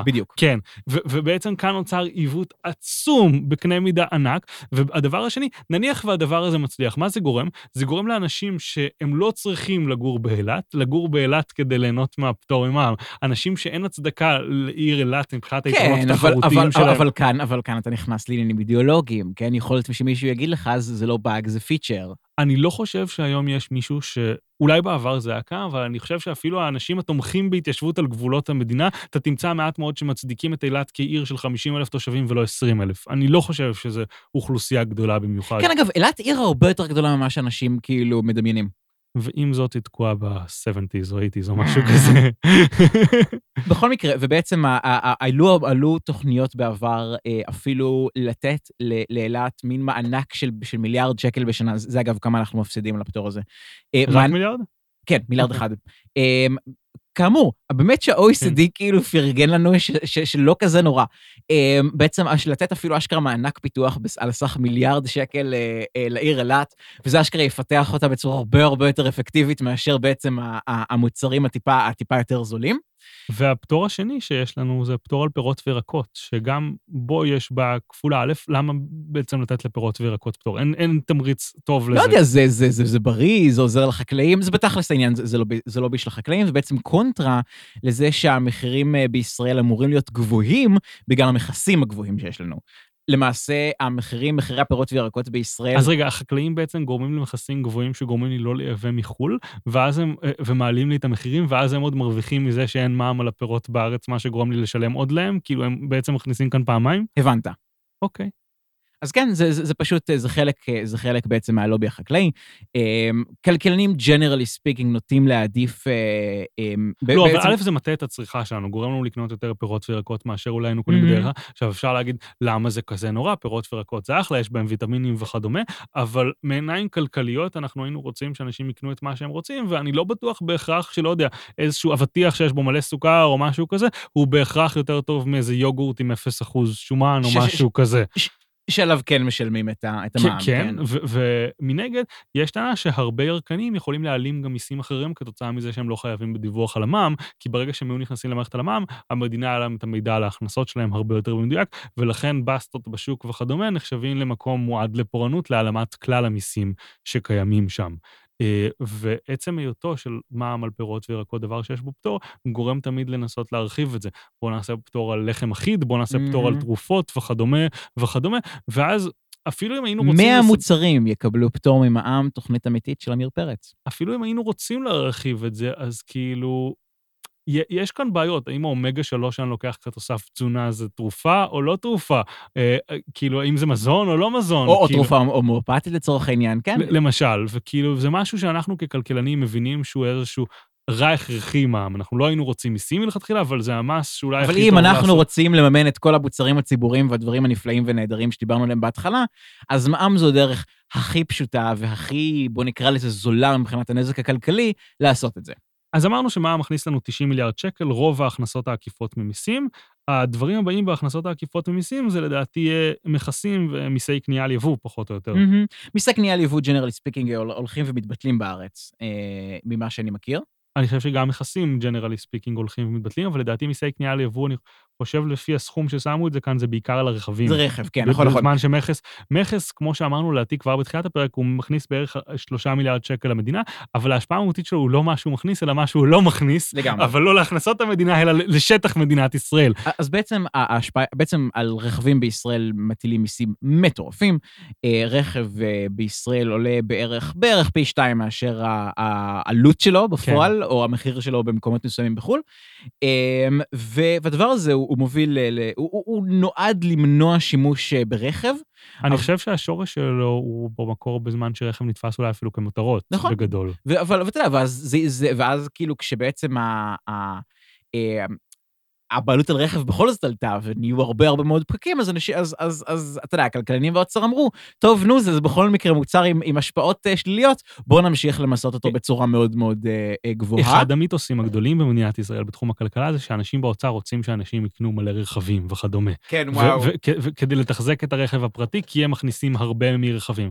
ואני תמיד אומר, זה בדיוק הפוך. תן לכלכלן להיות במשרד האוצר ותגיד לו, מה אני צריך לעשות כדי לתמרץ את התחבורה הציבורית ולגרום לה להיות הכי טובה? הדבר הראשון שהוא יעשה זה להטיל מכס מטורף על אה, רכבים שנכנסים לארץ. לגמרי. ו- ו- אבל בעצם אחת ההשפעות שאנשים לא חושבים עליה בקשר למיסי קנייה על רכב, אמ, זה בעצם שה, אה, שזה יוצר מצב שהרכבים החדשים, שהם אגב הבטוחים ביותר והירוקים ביותר, הם בעצם יותר קשה להם להיכנס. ישראל כמובן מנסה לעקוף את זה בכל מיני דרכים, הם מציעים הטבות מס אה, מיוחדות לרכבים היברידיים וחשמליים וכן הלאה, אבל בסופו של דבר, אמ, הרכבים בישראל אה, יכלו להיות הרבה יותר חדשים ממה שהם היום, וההשפעה של זה על הבטיחות היא עצומה.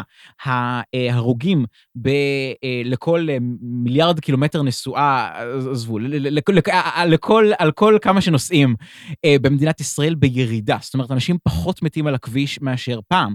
והסיבה לזה היא גם כי התשתיות השתפרו, אבל בעיקר, בעיקר כי פשוט הרכבים החדשים דרסטית יותר בטוחים מאשר לפני 10 ו-20 ו-30 שנה. פחות או יותר כדי לתת קצת מספרים, לדעתי בשנות ה-70 היה הכי הרבה הרוגים פר uh, ישראלים בשנה, משהו כמו 700 הרוגים מתאונות דרכים, אולי אני טועה איזה 80, או שנות ה-80 או ה-60, אבל אזור... אתה, אתה מדבר על מספרים אבסולוטיים. כן, מספרים אבסולוטיים של הרוגים, אבל אז אוכלוסיית ישראל הייתה הרבה יותר קטנה, אולי 3 מיליון, במקום 9 mm-hmm. מיליון, 4 מיליון, לא שוחה בנתונים האלה. היום כבר סדר גודל של 10-15 שנים, אני חושב, אנחנו סביב 300-350 נכון. הרוגים בשנה, בזמן שיש גידול במספר האנשים, וגידול עוד יותר בכמות הקילומטרים שאנשים נוסעים. אז פרקטית פר קילומטר, כמו שעידן אמר, אנחנו נעשים בטוחים יותר. נכון, ובעצם, לדעתי, כן, האמת שעכשיו עם הקורונה, טוב, עכשיו עם הקורונה זה לא יהיה מאוד קשה. אני משער ששנת 2020, בדוח החדש שייצא, תצא השנה הבטוחה ביותר, כאילו, מבחינת בטיחות בדרכים. אני זוכר שלפני כמה שנים נסעתי לחו"ל, אה, שכרתי רכב, וראיתי משהו שאולי היום קיים בארץ, אבל אז הוא בקושי היה קיים. הרכב שלי פשוט היה נוסע לבד באוטוסטרדות, פחות או יותר. אה, cruise control. לא רק cruise control, cruise control היה משנה, cruise control שהיית מכוון אותו ל-100 קמ"ש, ואם היה רכב מלפניי שמאט, הוא היה מאט הרכב שלי, ואם הוא היה זז, הרכב שלי היה מאיץ בחזרה, וכל מיני דברים כאלה, ואני אומר, fuck, כאילו, אני כבר לא צריך לנהוג. כן, כן. נו, הרי בסופו של דבר, כן, אני משער שרכבים אוטונומיים כאילו יגיעו לפה, אתה יודע, גם אם לא מחר, אז עוד עשר שנים, עוד עשרים שנה. אה, כן, זה, זה, זה לגמרי, אני חושב, העתיד. ואני חושב, אגב, שבמצב כזה, אה, באופן כללי גם התמריץ אה, להחזיק רכב פרטי יפחת, והיכולת לשכור בעצם כאילו רכב לשימוש חד פעמי, יהפוך להיות הרבה, הרבה יותר נפוץ. זה אולי לפרק אחר, אבל מה שכן חשוב להגיד זה שיש עוד מס גדול שמשלמים על רכבים, 아, וזה כן, בעצם ש... המס דלק. Mm-hmm. מס דלק, לכאורה, מה שקורה איתו זה שאתה אה, משלם מס בלו, זה נקרא, שהוא פר אה, אה, ליטר של דלק, אה, וגם עליו אגב, יש אגב, מע"מ. אגב, כן, כן, אגב, מחיר הדלק בישראל מפוקח. כן, וגם עליו יש מע"מ בעצם, ומה שקורה זה שאתה משלם פעמיים, אתה משלם המון כסף כשאתה קונה את הרכב, ואז המון כסף על הדלק. היתרון במס על הדלק שזה מפחית משהו לא רצוי, אנחנו לא רוצים שלאנשים ישרפו דלק ויזהמו את האוויר וכדומה. נכון, למרות, למרות שכאמור, דווקא, אם, אם כבר מדברים שוב על טכנולוגיית רכבים, אני לא מאמין שדווקא אני נכנס לזה. אבל בכל נוגע לטכנולוגיית רכבים, רכבים היום הם לא רק בטוחים יותר מבעבר, הם גם הרבה הרבה פחות מזהמים. התקנים המודרניים פולטים בגדול אוויר, ו- וזה שינוי אה, מאוד מאוד דרסטי שמאפשר לך לזהם הרבה פחות על, כל, על צריכת ליטר, אותו ליטר דלק. אם תחפשו לדעתי יורו 6, יורו 5, יורו 4 בגוגל תמונות, אתם תראו איזה שהם גרפים כאלה של התפתחות התקנים לזיהום אוויר, ואתם תראו בעצם, אה, לדעתי, גרפים שמראים לך את הפליטה של NO2 ולדעתי פחמן דו-חמצני, ואתה רואה שהשטח של הפליטה, כאילו בגרף, הוא קטן בפי 100 או משהו כזה ביחס למה שהיה בעבר, משהו פסיכי לגמרי. לגמרי. ובעצם כאן עולה הטענה שמצד אחד דלק הוא קורלטיבי לדברים שאנחנו לא רוצים שיקרו. ככל שאתה צורך יותר דלק, אתה עומד יותר בפקקים mm-hmm. ונוסע יותר בכביש, ואנחנו לא רוצים שאנשים ייסעו בכביש. לכאורה היינו רוצים שאנשים ינצלו את כבישים אולי לנסיעות היותר... אה, ל- כשה- היה- היה יותר דחופות, או במקומות שבהם, בזמנים שבהם הכביש יותר פנוי, כן, ויעדיפו להשתמש בתחבורה ציבורית ככל הניתן, כי זה פשוט תופס פחות מקום בנדלן שנקרא כביש. והוא גם קורלטיבי לזיהום, אבל הבעיה שעידן מדבר עליה זה שעוד כמה שנים נניח אולי כל הרכבים יהיו חשמליים, מי Mhm. יודע, ואז בעצם אנחנו, יש כאן כאילו שתי בעיות, אחד הם לא יצטרכו דלק, ולכן לא יצטרכו לשלם את המיסוי על דלק, אז מה יקרה להכנסות המדינה? אה, ומהצד השני, כאילו מה שיקרה זה שאנחנו לא רוצים להעלות את המס על הרכבים, כי אמרנו שיש לו השפעה שלילית, שקונים רכבים מזהמים וקונים רכבים אה, לא בטוחים וכדומה. אחד, אחד הפתרונות לבעיה הזאת זה בעצם מה שנקרא אגרת גודש. כן. זה בעצם איזשהו תחליף, לפחות לחלק מהמיסוי לרכבים, בעיקר למיסוי על דלק, שבעצם אומר בואו נפסיק למסות דלק או נמסה דלק פחות, ובמקום זה נמסה את הכניסה לפקקים. ובעצם המשמעות היא שבמקום שהמחיר, אוקיי, כניסה לכביש, בניגוד למה שאנחנו מרגישים, היא לא בחינם, היא עולה כסף. כל הכבישים בישראל הם כבישי אגרה. אנחנו פשוט משלמים את זה במס דלק. אנחנו יכולים לדמיין שיש שלט כתוב בגדול מעל הכביש, ככה וככה שקלים, וזה המחיר שאנחנו משלמים. הרעיון באגרת גודש הוא פשוט לעשות דיפרנציאציה של המחיר הזה. במקום שבעצם המחיר יהיה זהה לליטר דלק בנ- בנסיעה, המחיר בעצם יהיה שונה אם הבן אדם נכנס לפקק או מצליח לעקוף אותו, כן? בין אם מבחינת מקום ובין אם מבחינת זמן.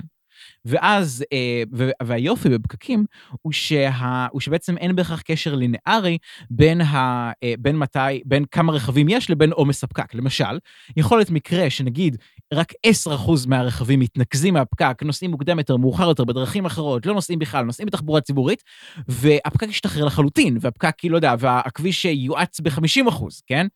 אה, והדברים האלה הם אפשריים לגמרי והם קורים כל הזמן. אני חושב שדוגמה טובה לזה, אולי מתחום קצת שונה, זה מה שקרה בשוק הנפט לפני בערך שנה מעכשיו, אנחנו עכשיו בתחילת אפריל עוד מעט 2021, לפני בערך שנה מה שקרה זה שהיה קצת עודף היצע של נפט וקצת אה, פחות ביקוש לנפט, והמחיר הנפטי ירד כמעט לרמות שליליות. מהסיבה שבעצם החוזה על נפט בשוק הסחורות דורש ממך לאחסן אותו באיזשהו שלב, לקנות אותו ואשכרה לאחסן אותו.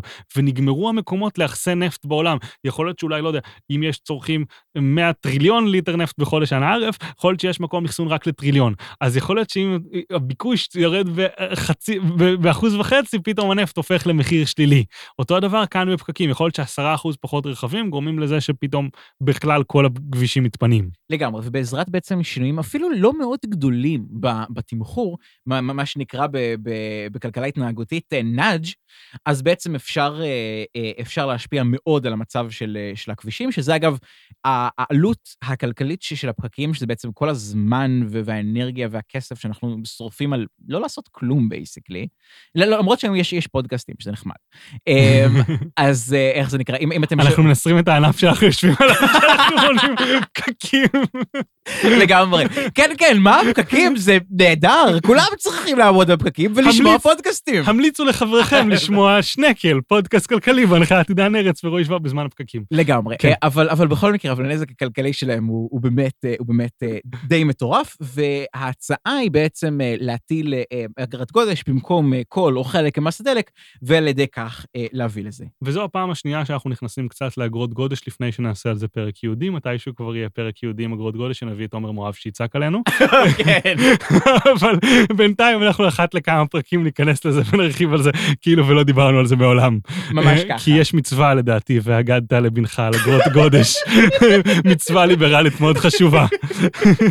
כן, כן, הבדיחה היא כמובן שהנושא הזה, בגלל שהוא כל כך מדובר על ידי כאילו כלכלנים ליברליים, אז שהוא, שהוא יוצא לכולם מכל החורים. אבל זה נכון, מה לעשות? צריך לעשות את זה. אז נמשיך לחפור עד שיעשו את זה. לא, ובאמת נעשה פרק יהודי על זה, כי אנחנו באמת לא התחלנו לכסות את רוחב היריעה, בעיניי לפחות. נכון. אבל- אה, ואז אולי המס הבא, אני חושב שהוא ככה שווה לדבר עליו, זה מס על סיגריות.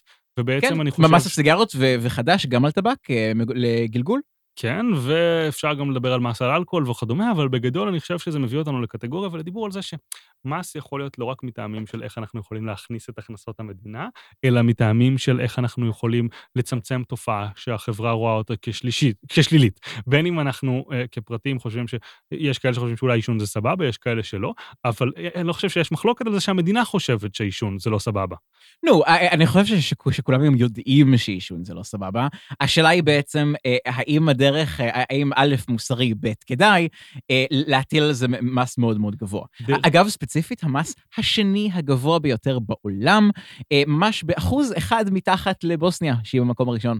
או, בוסניה שמוציאה אותנו טוב בהשוואות כן, בינלאומיות. כן, גו אה, בוסניה. עכשיו, ספציפית, אני שונא אישום, מבחינתי תעלו את המס הזה גם בעשרת אלפים אחוז. אבל... אני- גם, אני מעשן תחליף טבק. בכל מקרה, אז איך זה נקרא? אמ, אז בעצם, אז מה שבעצם חשוב לזכור רגע לפני שניכנס לכל השאלה לגבי השפעות חיצוניות וכן הלאה- הלאה, שהיא בעצם השאלה הגדולה והמשמעותית, צריך לזכור שמס אה, טבק הוא מס רגרסיבי. לא רגר... אולי לא, לא קצת רגרסיבי בטווח הקצר וניטרלי בטווח הארוך כמו מע"מ, אלא חד משמעית רגרסיבי כל הזמן. כי בעצם אה, אה, מעשנים נוטים להתרכז הרבה יותר בעשירונים התחתונים מאשר בעשירונים העליונים. המס הזה לא קשור להכנסה, אלא הוא נגבה כאחוז ממחיר המוצר, ולכן בעצם עניים משלמים אותו אבסולוטית ובטח כאחוז מההכנסה, באופן חסר כל פרופורציות ביחס לעשירים מהם. אבל כאן זה מעלה את השאלה אם בכלל אנחנו צריכים אה, לעודד, להחליט על דברים כאלה על בסיס מי קונה את זה ומי לא קונה את זה. טיעון אחד יכול להיות שכאילו, כן, מבחינת, כי זה פוגע בעניים. טיעון שני צריך להיות, גם עניים הם מספיק חכמים כדי לעשות את הבחירות שלהם בעצמם, ואם הם בוחרים לקנות יותר סיגריות או משהו כזה, זה לא שיקול שאנחנו צריכים לשים אותו לנגד עינינו. כן, אבל ואם בן אדם אה, אה, אה, בוחר אה, ללכת ולעבוד בעבודה מכניסה יותר, למה אנחנו צריכים לה- להעניש אותו על זה, כן? זה אותו היגיון. זאת אומרת, זה הרי, אם אתה טוען שצריך מס פרוגרסיבי, כי אתה רוצה לאזן את ההכנסות בין עשירים לעניים, אז ברור שיהיה לך חשוב מי קונה את המוצרים שאתה ממסה. אני לא בטוח, כי זה גם משפיע על מי שיקנה את זה, והם יכולים לקנות פחות, והבחירה עומדת נכון. אבל, אבל, אבל, אבל אם נניח ש, שבין אם יהיה מס ובין אם לא, אז אה, עישון יתרכז בעיקר בשכבות חלשות, ואני לא חושב שזה כזה מנותק המציאות, אז, אה, אז, אז אני חושב שזה בהחלט שיקול, אבל, אבל, אבל בוא רגע, אבל- אבל, בוא רגע נ, נ, נמשיך ונתקדם ל, ל, בעצם לשיקולים של ההשפעות החיצוניות. מה, מה שכן חשוב להגיד, אבל זה שהמס על הסיגריות, בין היתר, יחד עם עוד קמפיינים של מודעות וכדומה, הצליחו לצמצם נכון. משמעותית לאורך השנים את השימוש בסיגריות. אני, אני אגב טוען שזה, שזה אה, פחות המס ויותר פתאום המודעות והמחקרים שיצאו. אני לא רוצה להיכנס לזה לעומק, כי דן מבין בנתונים יותר, ואני לא אצליח לתת לו fight לטעון שהמס דווקא חיובי. בסדר, זה, זה, זה, זה, בכל, זה בכל מקרה, מה שדוסים קוראים אותו אה, צריך עיון, ולא ניכנס, לא ניכנס אליו כרגע, זה, זה השאלה של מה משפיע באיזה מדינה על, על אחוזי העישון, זו שאלה מורכבת, בייחוד כי זה גם קשור למאפיינים תרבותיים ומשברים כלכליים, ועזבו. כן, אז בעצם מה שקורה, יש חוק כלכלי, ששכחתי את שמו, אולי אתה זוכר, שבעצם אומר שאם אתה רוצה למנוע תופעה שלילית, אתה יכול לעשות אחד משני דברים. אחד, למסות אותה, לגרום לזה שלעשות אותה יגרום לאיזשהו מס והוצאה, ולכן היא לא תקרה, ושתיים, דווקא לשלם כסף למי שעושה אותו כדי למנוע ממנו לעשות את זה. לצורך העניין, יש... אה, אה, מס, מס פיגוביאני. לא, אבל יש לדעתי שם לחוק הזה, משהו עם ו' לדעתי, אני חושב בהתחלה, אני לא זוכר. אני אבדוק אותו, אולי נשלים אותו בפרק הבא. הטענה בעצם אומרת שאם הולך לקום מפעל מזהם ליד Mm. בית שלי, אני יכול מצד אחד אולי כ... לא יודע, עיריית חיפה לצורך העניין, העיר שגדלתי בה, יכולה להטיל מס על פליטות באזור המפרץ, או לחילופין, אנחנו כתושבים יכולים לשלם למפעל כדי שלא יעשה שם, אה, אה, כדי שלא יקים שם מפעל, מטעמים שהם גם מוסריים וגם כי, מה תעשה, תמשיך לשלם לאנשים עד שמישהו בסוף לא יבנה שם מפעל, או אולי תשלם לבעל הקרקע, אני לא אג- יודע. אגב, אז- הדבר, הס- הסוג השני, למי שחושב שזה מגוחך לחלוטין, אה, הוא חי וקיים בתחום החקלאות, שבהם, אה, שבה בעצם ארצות הברית מומחית בשטויות האלה, אבל גם לארץ זה מגיע, שבעצם אה, במקרים ש, שרוצים אה, לעודד עליית מחירים כדי, אה, אה, בעצם, וכדי למנוע עודפים ובעצם להוריד את הרווחים של החקלאים, כדי למנוע את הדבר הזה, משלמים לחקלאים כסף כדי לא לעסוק במקצוע שלהם ולא לגדל ביצים כדי שיהיו פחות ביצים. אני, חבל שכאילו שרק מי שיש לו לול מקבל את זה, גם אני לא מקבל, לא- גם אני לא מגדל ביצים. רק ו- שתיים. בדיוק, כן. אבל, אבל, אבל לא מעבר לזה, ו- ו- ואני רוצה שישלמו לי את, ה- את המכסת ביצים שאני לא מגדל. אמ, בכל מקרה, אה, אז בעצם הטענה, אוקיי, הט- הטענה היא לגבי, אחת הטענות היותר רציניות לגבי אה, מס על טבק, זה שבעצם מדובר בהשפעה שלילית, שהיא לא רק על הבן אדם עצמו, כי בעצם יכולים להיות אה, שתי הצדקות לדבר הזה. הצדקה הראשונה היא בעצם הצדקה פטרנליסטית. אנחנו יודעים יותר טוב מאשר אותו אני נדכא, מה טוב בשבילו. אנחנו יודעים שלעשן זה לא טוב לו, אבל הוא, הוא מסכן לא מבין את זה, אבל אם נמסה אותו, אז יהיה לו קשה בכיס והוא יפסיק. זה, זה סוג היגיון אחד ש, שיש הרבה שמחזיקים בו. סוג היגיון שני, ש, שאני פשוט, בעיניי לפחות, טיעון קצת יותר חזק, כי, כי אני באופן כללי מאוד מאוד מאמין בחירות ובאוטונומיה של האדם אידיאולוגית, אז בעצם הטיעון הזה אומר שהעלות של העישון היא לא רק נופלת על הבן אדם, אלא היא נופלת על כל החברה. למה? כי בן אדם שמעשן הוא בן אדם שחולה יותר, הוא בן אדם שצריך, אה, הוא בן אדם שצריך הרבה יותר שירותים רפואיים, השירותים הרפואיים במדינת ישראל הם או ציבוריים או מאוד מסובסדים, בחלק מהמקרים, ובעצם אה, הדבר הזה הוא נופל על כלל הציבור, ולכן אנחנו כציבור צריכים לפצות עצמנו על הנזק שגורם אה, מר מעשן בעודו מעשן. אה, והחלק, ה... ווואו, זה הולך להיות הטיעון הכי אוכלניים ש... ש... שטענתי בכל הפודקאסט הזה. אתה מוכן? אני מקשיב, כן. אני הולך להסביר למה הדבר הזה הוא לא נכון, ולמה בעצם אין הצדקה לקחת מס על סיגריות, וזה שמעשנים עולים פחות מאשר לא מעשנים אה, בעצם לקופה הציבורית, כי הם מתים קודם. אני חושב שיש הרבה אנשים שקצת מכירים את הנבחי, אה, נקרא לזה הפנסיה התקציבית, שקצת שואלים את עצמם, האם הרג של מבוגרים הוא לא דבר טוב לתקציב המדינה. אז זהו, כן, כשמתעסקים בכלכלה, אז אוהבים לצחוק על, על כלכלנים שאתה יודע, כזה רואים, רואים מספרים ולא, ולא אנשים וכן הלאה, אבל אני חושב שזה נובע מהמקומות האלה, שכאילו בסופו של דבר, אין לך ברירה אלא לתמחר כאילו את, את הדברים האלה, שכאילו הם מאוד מאוד רגישים ברמה המוסרית, ואפשר להבין למה אנשים נרתעים מזה, אבל בסופו של דבר, אנשים זקנים לא צורכים קצבאות, הם לא צורכים פנסיות, הם לא צורכים שירותי רפואה, והדבר הזה בסופו של דבר עולה הרבה הרבה פחות למשלם המיסים מאשר, אה, מאשר בעצם ההוצאות הרפואיות אקסטרה. לא רק זה, אם אתה מסתכל נטו על ההוצאות הציבוריות, היום, היום, היום, אה, על, אה, אה, על, כתוצאה מנזקי העישון, הן נמוכות יותר מאשר אה, סך המס שאנחנו גובים על טבק, ככה שבעצם אה, אה, אפילו במובן במובן הזה, אפילו אם זה, מה שנקרא, אם זה לא היה נכון, אז, אז אי אפשר היה להצדיק את גובה המס המאוד מאוד גבוה שיש אה, בישראל. אמ, אבל ניגע כאן ברגע, אני חושב, בעניין של אה, מיסוי על, אה, על השפעות שליליות. כן, מה, שנקרא בארצות הברית sin taxes, מיסי חטא. שיש כאן את הנושא שיש את העניין של ההתחממות הגלובלית ופליטות אממ. וכדומה. כן. ואני חושב שאחד החברים שלנו עשה פוסט מאוד יפה על זה, אני אנסה אולי לשים אותו בהערות הפרק, אם אני אזכור, שבעצם מדבר על זה שכל המלחמה בכל ההתחממות הגלובלית, בכל הפליטות האלה, פשוט צריך לעשות מס לא מאוד יקר על כל פליטה של טון פחמן דו-חמצני, וזה דרך שלפי כלכלנים תביא לאיזון בכמות הפליטות, למשהו mm. ריאלי. ו... זה, זה לא מה שניסו ו... לעשות בבורסה הזאת ל, ל, לפליטות חמצן, בפחמן דו-חמצני בשנות 90 או משהו? אז אני חושב ש... אני לא זוכר למה זה נכשל. אה, אני חושב ששמעת על זה בפודקאסט של רועי גירון אולי, אם שמעת את זה. יכול אה, להיות. כשבגרוש האחור. עשו את זה לתחנות כוח מזהמות בארצות הברית, לחלק מסוגי הזיהום. עשו את זה לתחנות כוח באירופה, עדיין לא הרחיבו את זה, לדעתי, לכל סוגי המזהמים באירופה ובארצות הברית, ובכל שאר העולם גם. זהו, חלק מהבעיה בהתמודדות עם, עם בעיות גלובליות, זה שהן דורשות פעולות גלובליות. הגלובלית זה המילה השנייה שם בהתחממות, גלובלית. כן, כן, בדיוק. אז זה מאוד... לא, ואז נגיד, ואז נגיד, אחת הביקורות שאני שמעתי, אני לא מבין, אני לא מומחה בנושא הזה, אבל, אבל אחת הביקורות ששמעתי נניח על, על הסכם פריז, שהוא בעצם, אה, אה, שבעצם הסכם בינלאומי שבדיוק ניסה לפתור את הדבר הזה, בעצם להביא, ל, ל, ל, להביא ליעדים מוגדרים לכל המדינות, לצמצום אה, פליטות פחמן דו-חמצני וכן הלאה. הבעיה בהסכם הזה שהוא נתן מה שנקרא, הוא נתן בעצם פריבילגיות למדינות עניות יותר, ואפשר להבין את זה. כי בעצם מדינות עניות יותר, התעשיות האלה, המזהמות, הרבה יותר קריטיות לכלכלה שלהם, והמון פעמים במדינות עניות, זה לא כאילו בן אדם מובטל אז הוא יקבל דמי אבטלה ויצפה בנטפליקס בבית, כן? זה בן אדם שממש יש סיכוי שהוא ירעב. אז בעצם אה, נתנו, אה, נתנו המון המון הקלות למדינות אה, עניות וחלשות יותר, ובראשן סין, אגב, שנחשבת מדינה ענייה ב, לפי ההסכם, ובעצם כל מה שקרה זה פשוט כל המפעלים המזהמים פשוט עברו למדינות עניות, ש, ש, איך זה נקרא, שיש להם את ההקלות האלה. זה כמובן עזר מאוד לכלכלה של המדינות העניות האלה, אבל, אבל להגיד שזה פתר את הבעיה הגלובלית, זה לא פתר.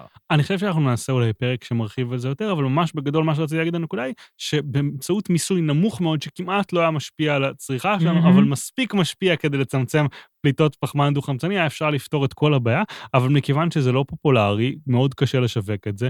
ארגונים ירוקים לא רודפים אחרי זה. לא, ו... הם, הם, הם, ארגונים ירוקים רוצים, כי אתה יודע, כזה, מהפכה טכנולוגית, או, או, או, או, או, או המון המון כאילו התערבות ממשלתית, ו, והמון פעמים יש, יש מעט, מעט מדי, בוא נגיד את זה ככה, ארגונים ירוקים ש, שהם אה, אה, באמת כאילו מנסים, יושבים חזק גם על הדאטה הכלכלי וגם על ה... על ה ודווקא על, ה, על, על מה שמדענים אומרים, באופן אירוני, אמ, ובעצם מנסים לפתור את הבעיות האלה בצורה מאוד אפקטיבית. אגב, ייאמר אני רוצה לפרגן במובן הזה, נגיד, לארגון אדם טבע ודין בישראל, שהוא אחד הארגונים היותר רציניים במובן הזה של כאילו של איכות סביבה אה, בראייה רציונליסטית, בוא נקרא לזה. אני לא מכיר את זה מספיק לעומק, אבל אם אני לא טועה, הבידול באמת של אדם טבע ודין זה דווקא העניין שהם בעלי מקצוע. כן. טבע, דין, אה, דין זה עורכי דין, אני חושב שהם... נכון, נכון. כי- אה. עוסקים, כי חלק ניכר מהפעילות שלהם זה בעצם אה, אה, עתירות אה, לגבי כל מיני אה, אה, אה, בניות. אבל ממש בגדול, במקום לעשות מס אחיד על פחמן דו-חמצני על כולם, כל פעם אוסרים על משהו על אחר, משהו, כן. ש- שלא מאוד קל, כי הם קיצוניים ואתה מגחיך את זה. לא יודע, בוא נעצור על אה, מוצרי פלסטיק חד פעמיים, כי כאילו, כמה אנשים אתם מכירים שהם בעלי אה, מפעל למוצרי פלסטיק אגב, חד אגב, פעמיים? משום מה, משום, אגב, אה, זה- זה- נגעת בנקודה מצוינת. מה הקשר בין התחממות גלובלית או שינויי אקלים לבין זיהום פלסטיק? מה לא, הקשר? אני חושב ש... זה שתי בעיות, שתיהן קיימות, אבל זה לא אותו דבר. אני חושב שכאן זה הבעיה של אה, העובדה שאתה מזהם את הימים ו, וגורם בעצם לדגה וצבים לאכול חלקיקי פלסטיק קטנים. ואז? הסיפור הוא שלדעתי בדרך... כאילו, לא, לא, זה זה בעיה, אבל לא- מה לא- הקשר? אני לא, לא, זה, זה אני, יש כאן כמה מורכבויות, אני חושב שאולי נעשה פרק עם אורח על הנושא, אבל אחד הדברים המעניינים שדווקא זיהום הימים, הוא לא מגיע מישראל ברוב המקרים. בישראל רוב הכפיות החד פעמיות כן. שאנחנו קונים הולכות לפח, שהולכות להטמנה, שלא מגיע לים, אלא מ- דווקא 90 ומשהו אחוז מהזיהום קורה מה- במדינות עולם שלישי, כן, שזורקים זה- לנחלים שם הם את הזבל. משהו כמו 90% מהזיהום, אה, מהזיהום ים בעולם, הוא מקורו בשלושה נהרות ספציפיים. אם אני זוכר נכון, שניים מהם בסין ואחד בהודו. כן, יש כאן כל מיני דברים מסובכים, אני לא חושב שניכנס אליהם עכשיו, אני גם לא מספיק מבין בזה כדי להצג את העמדה הנגדית, ולכן דווקא בזה אני מעדיף לא להרחיב. מצוין. אה, אבל אני חושב שנסכם את הפרק פחות או יותר עוד רגע, אה, אה, ולפני כן אני רוצה לתת איזושהי דוגמה למשהו שגם שכחנו, אבל גם ככה פותח את המחשבה. פוסט שעשיתי לפני בערך שנתיים על ירדן כהן. אה, ירדן כהן היא מיליארדרית שרובכם לא מכירים. היא רכשה, היא לא רכשה, היא ירשה מפעל לוויטמינים ותרופות מאבא שלה, ובעצם לאט לאט ככה בשנות ה-30 לחייה, והיא קנתה עוד ועוד מתחרים. אה, בתחום הזה, עד שכל היצרני תרופות והוויטמינים בארץ היו בבעלותה. ומה שהיא עשתה איתם, היא סגרה את כולם והקימה שני מפעלים גדולים. אחד בניקוסיה, ושני בשדרות. ניקוסיה בקפריסין. ניקוסיה בקפריסין, כן. אה, ובמפעל מניקוסיה היא החליטה לייצר ולייצא לארץ כל הדברים, ש... כל התרופות שאתם מכירים, שאתם קונים על ידי, לא משנה איזה מותג זה, זה בבעלותה. אתם פשוט לא מכירים את הבעלים שלה, אבל כל המותגים בארץ הם בבעלותה. והיא בעצם כל פעם שאתם רוכשים, ונראה לכם שאתם קונים באתר ישראלי, אתם בעצם רוכשים מקפריסין, והיא מייבאת את זה לארץ. למה היא עושה את זה? כי אז אתם נהנים מפטור ממע"מ של 17 אחוז, אה, כי אתם מי- מייבאים עד 75 דולר. נכון, שכחנו בדיבור על המע"מ. ולכן זה יוצא יותר זול, זה אחד הפטורים מה- על המע"מ שיש. נכון. מהצד השני, כשהיא מייצאת, נניח היא מוכרת ויטמינים ללקוחות שלה באנגליה, היא מייצרת אותם משדרות, ששם היא פתחה מפעל רובוטי, בלי עובדים בכלל, והיא מקבלת אבל סבסוד על הקמת מפעל בגלל שהוא יצוא.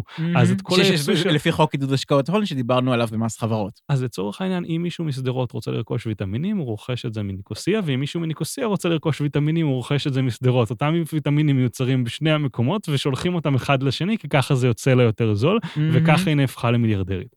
עכשיו, ו- וזו בעצם דרך אה, מאוד מאוד יפה להדגים בעצם את, ה- את הבעיות הפוטנציאליות בעיוותי מס. כי בעצם מה קורה? הפעילות הכלכלית, אנחנו מניחים ש, שככל, בעצם שפעילות כלכלית שקורית אה, באופן וולונטרי אה, על פני כלכלה שלמה, רשת שלמה של אנשים, גם אם יש כל מיני כשלי שוק ויש כל מיני בעיות, היא בסך הכל פועלת בצורה יעילה, כי בעצם כל אחד ממקסם את, ה, את, ה, את העדפות שלו, ו, ו, ומעביר משאבים לאיפה שיש להם הכי הרבה ביקוש, ואיפה שיש להם הכי הרבה היצע, ו- ו- ועוד כל מיני הנחות ש- שמצדיקות אה, אה, אה, שוק חופשי ש- שניכנס אליהן ב- ביום אחר, מה שנקרא.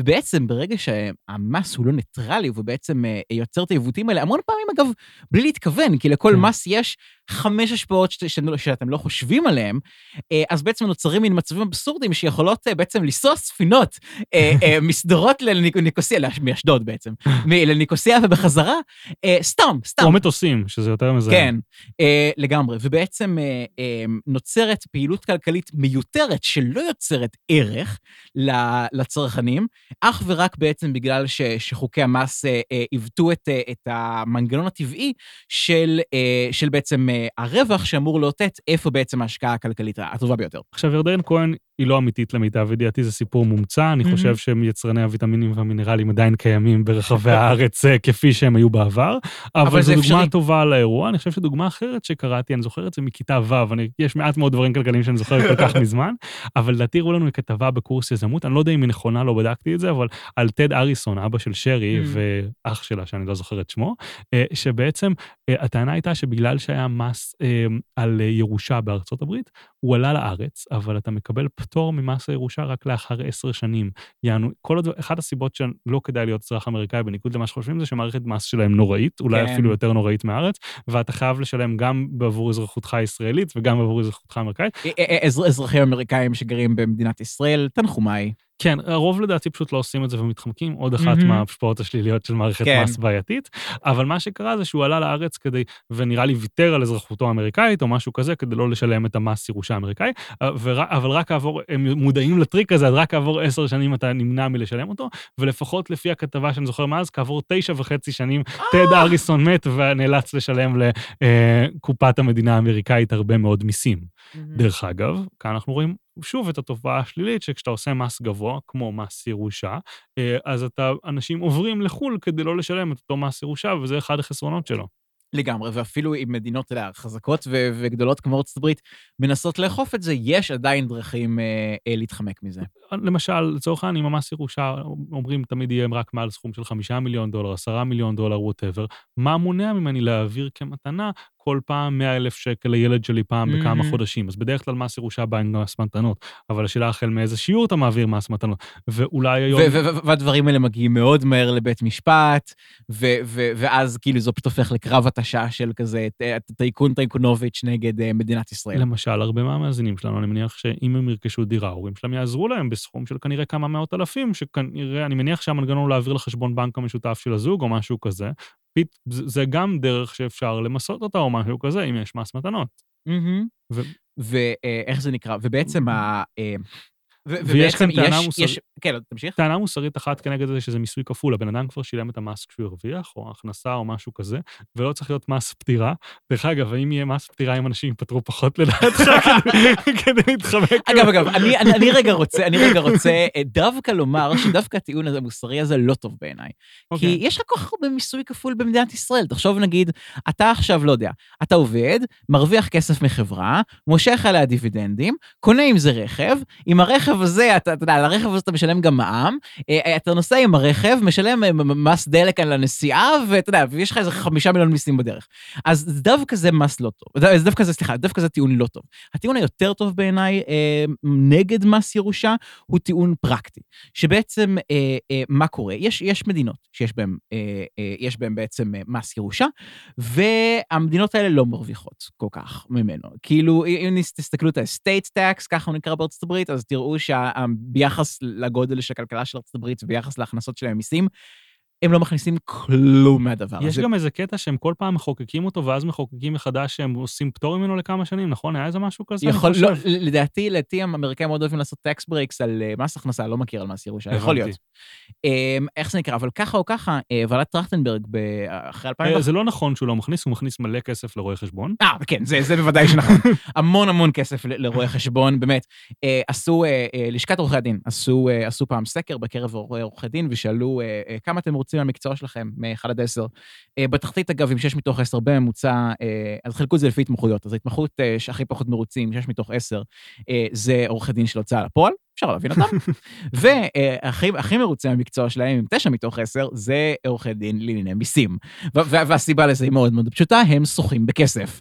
הם שוחים בכל הכסף. הבעיה היא שאתה צריך להיות מוכשר באופן קיצוני כדי להיות אה, עורך דין לענייני מיסים, כי מערכת המס, באמת, היינו צריכים פרק ארוך במיוחד, שמתקרב כעת כבר, כמעט לשעתיים, כדי בעצם להעביר את ה basic של ה basic של ה basic של בעצם איך מערכת המס בערך נראית, וכדי להגיע התמחות אמיתית בדבר הזה, שמאפשרת לך בעצם אה, לקחת חברה או בן אדם מאוד עשיר ולחסוך להם ליטרלי מיליארדים.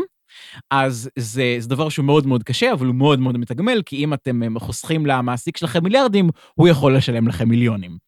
אמ, ולכן בעצם, כן, המרוויחים העיקריים של זה הם עורכי דין אה, ורואי חשבון, וואלה טרכטנברג אחרי 2011 אה, שקלו את הרעיון של מס, אה, של מס ירושה, אבל עשו בעצם חישוב מאוד מאוד פשוט בהתבסס על ההכנסות שלו ברחבי העולם, וגילו שזה יכניס בישראל עד מיליארד שקל. רגע, מס ירושה זה מס שקוף או לא שקוף? מה זאת אומרת? אתה לא זוכר שהיה סרטון של טרכטנברג כאשר הוא רצה ל... אה, נכון, המיסים השקופים, כן, כן, כן מס uh, גידול ילדים וכל מיני דברים מוזרים כאלה.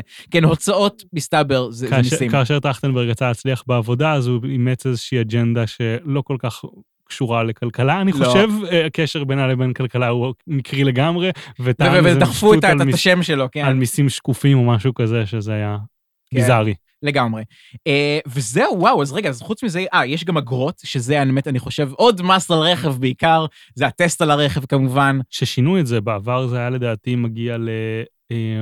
הרי בעבר לדעתי היה מגיע למשרד הרישוי, ועכשיו זה מגיע להם, אה, ככה ממומנת אגרת הטלוויזיה או משהו כזה, לא היה 아, סיפור כן, שם. אגב, אה, אה, ההכנסה של כאן אה, לא מגיעה מתקציב המדינה, אלא מאגרת רישוי של בעלי רכב. מה הקשר? אין קשר. וואו, זה, לא דיברנו בכלל על כאילו הקטע של כספים צבועים שרצינו לדבר עליו. וואי, נכון, אבל, אבל זה כבר אבל, מגיע ל... כן. כן.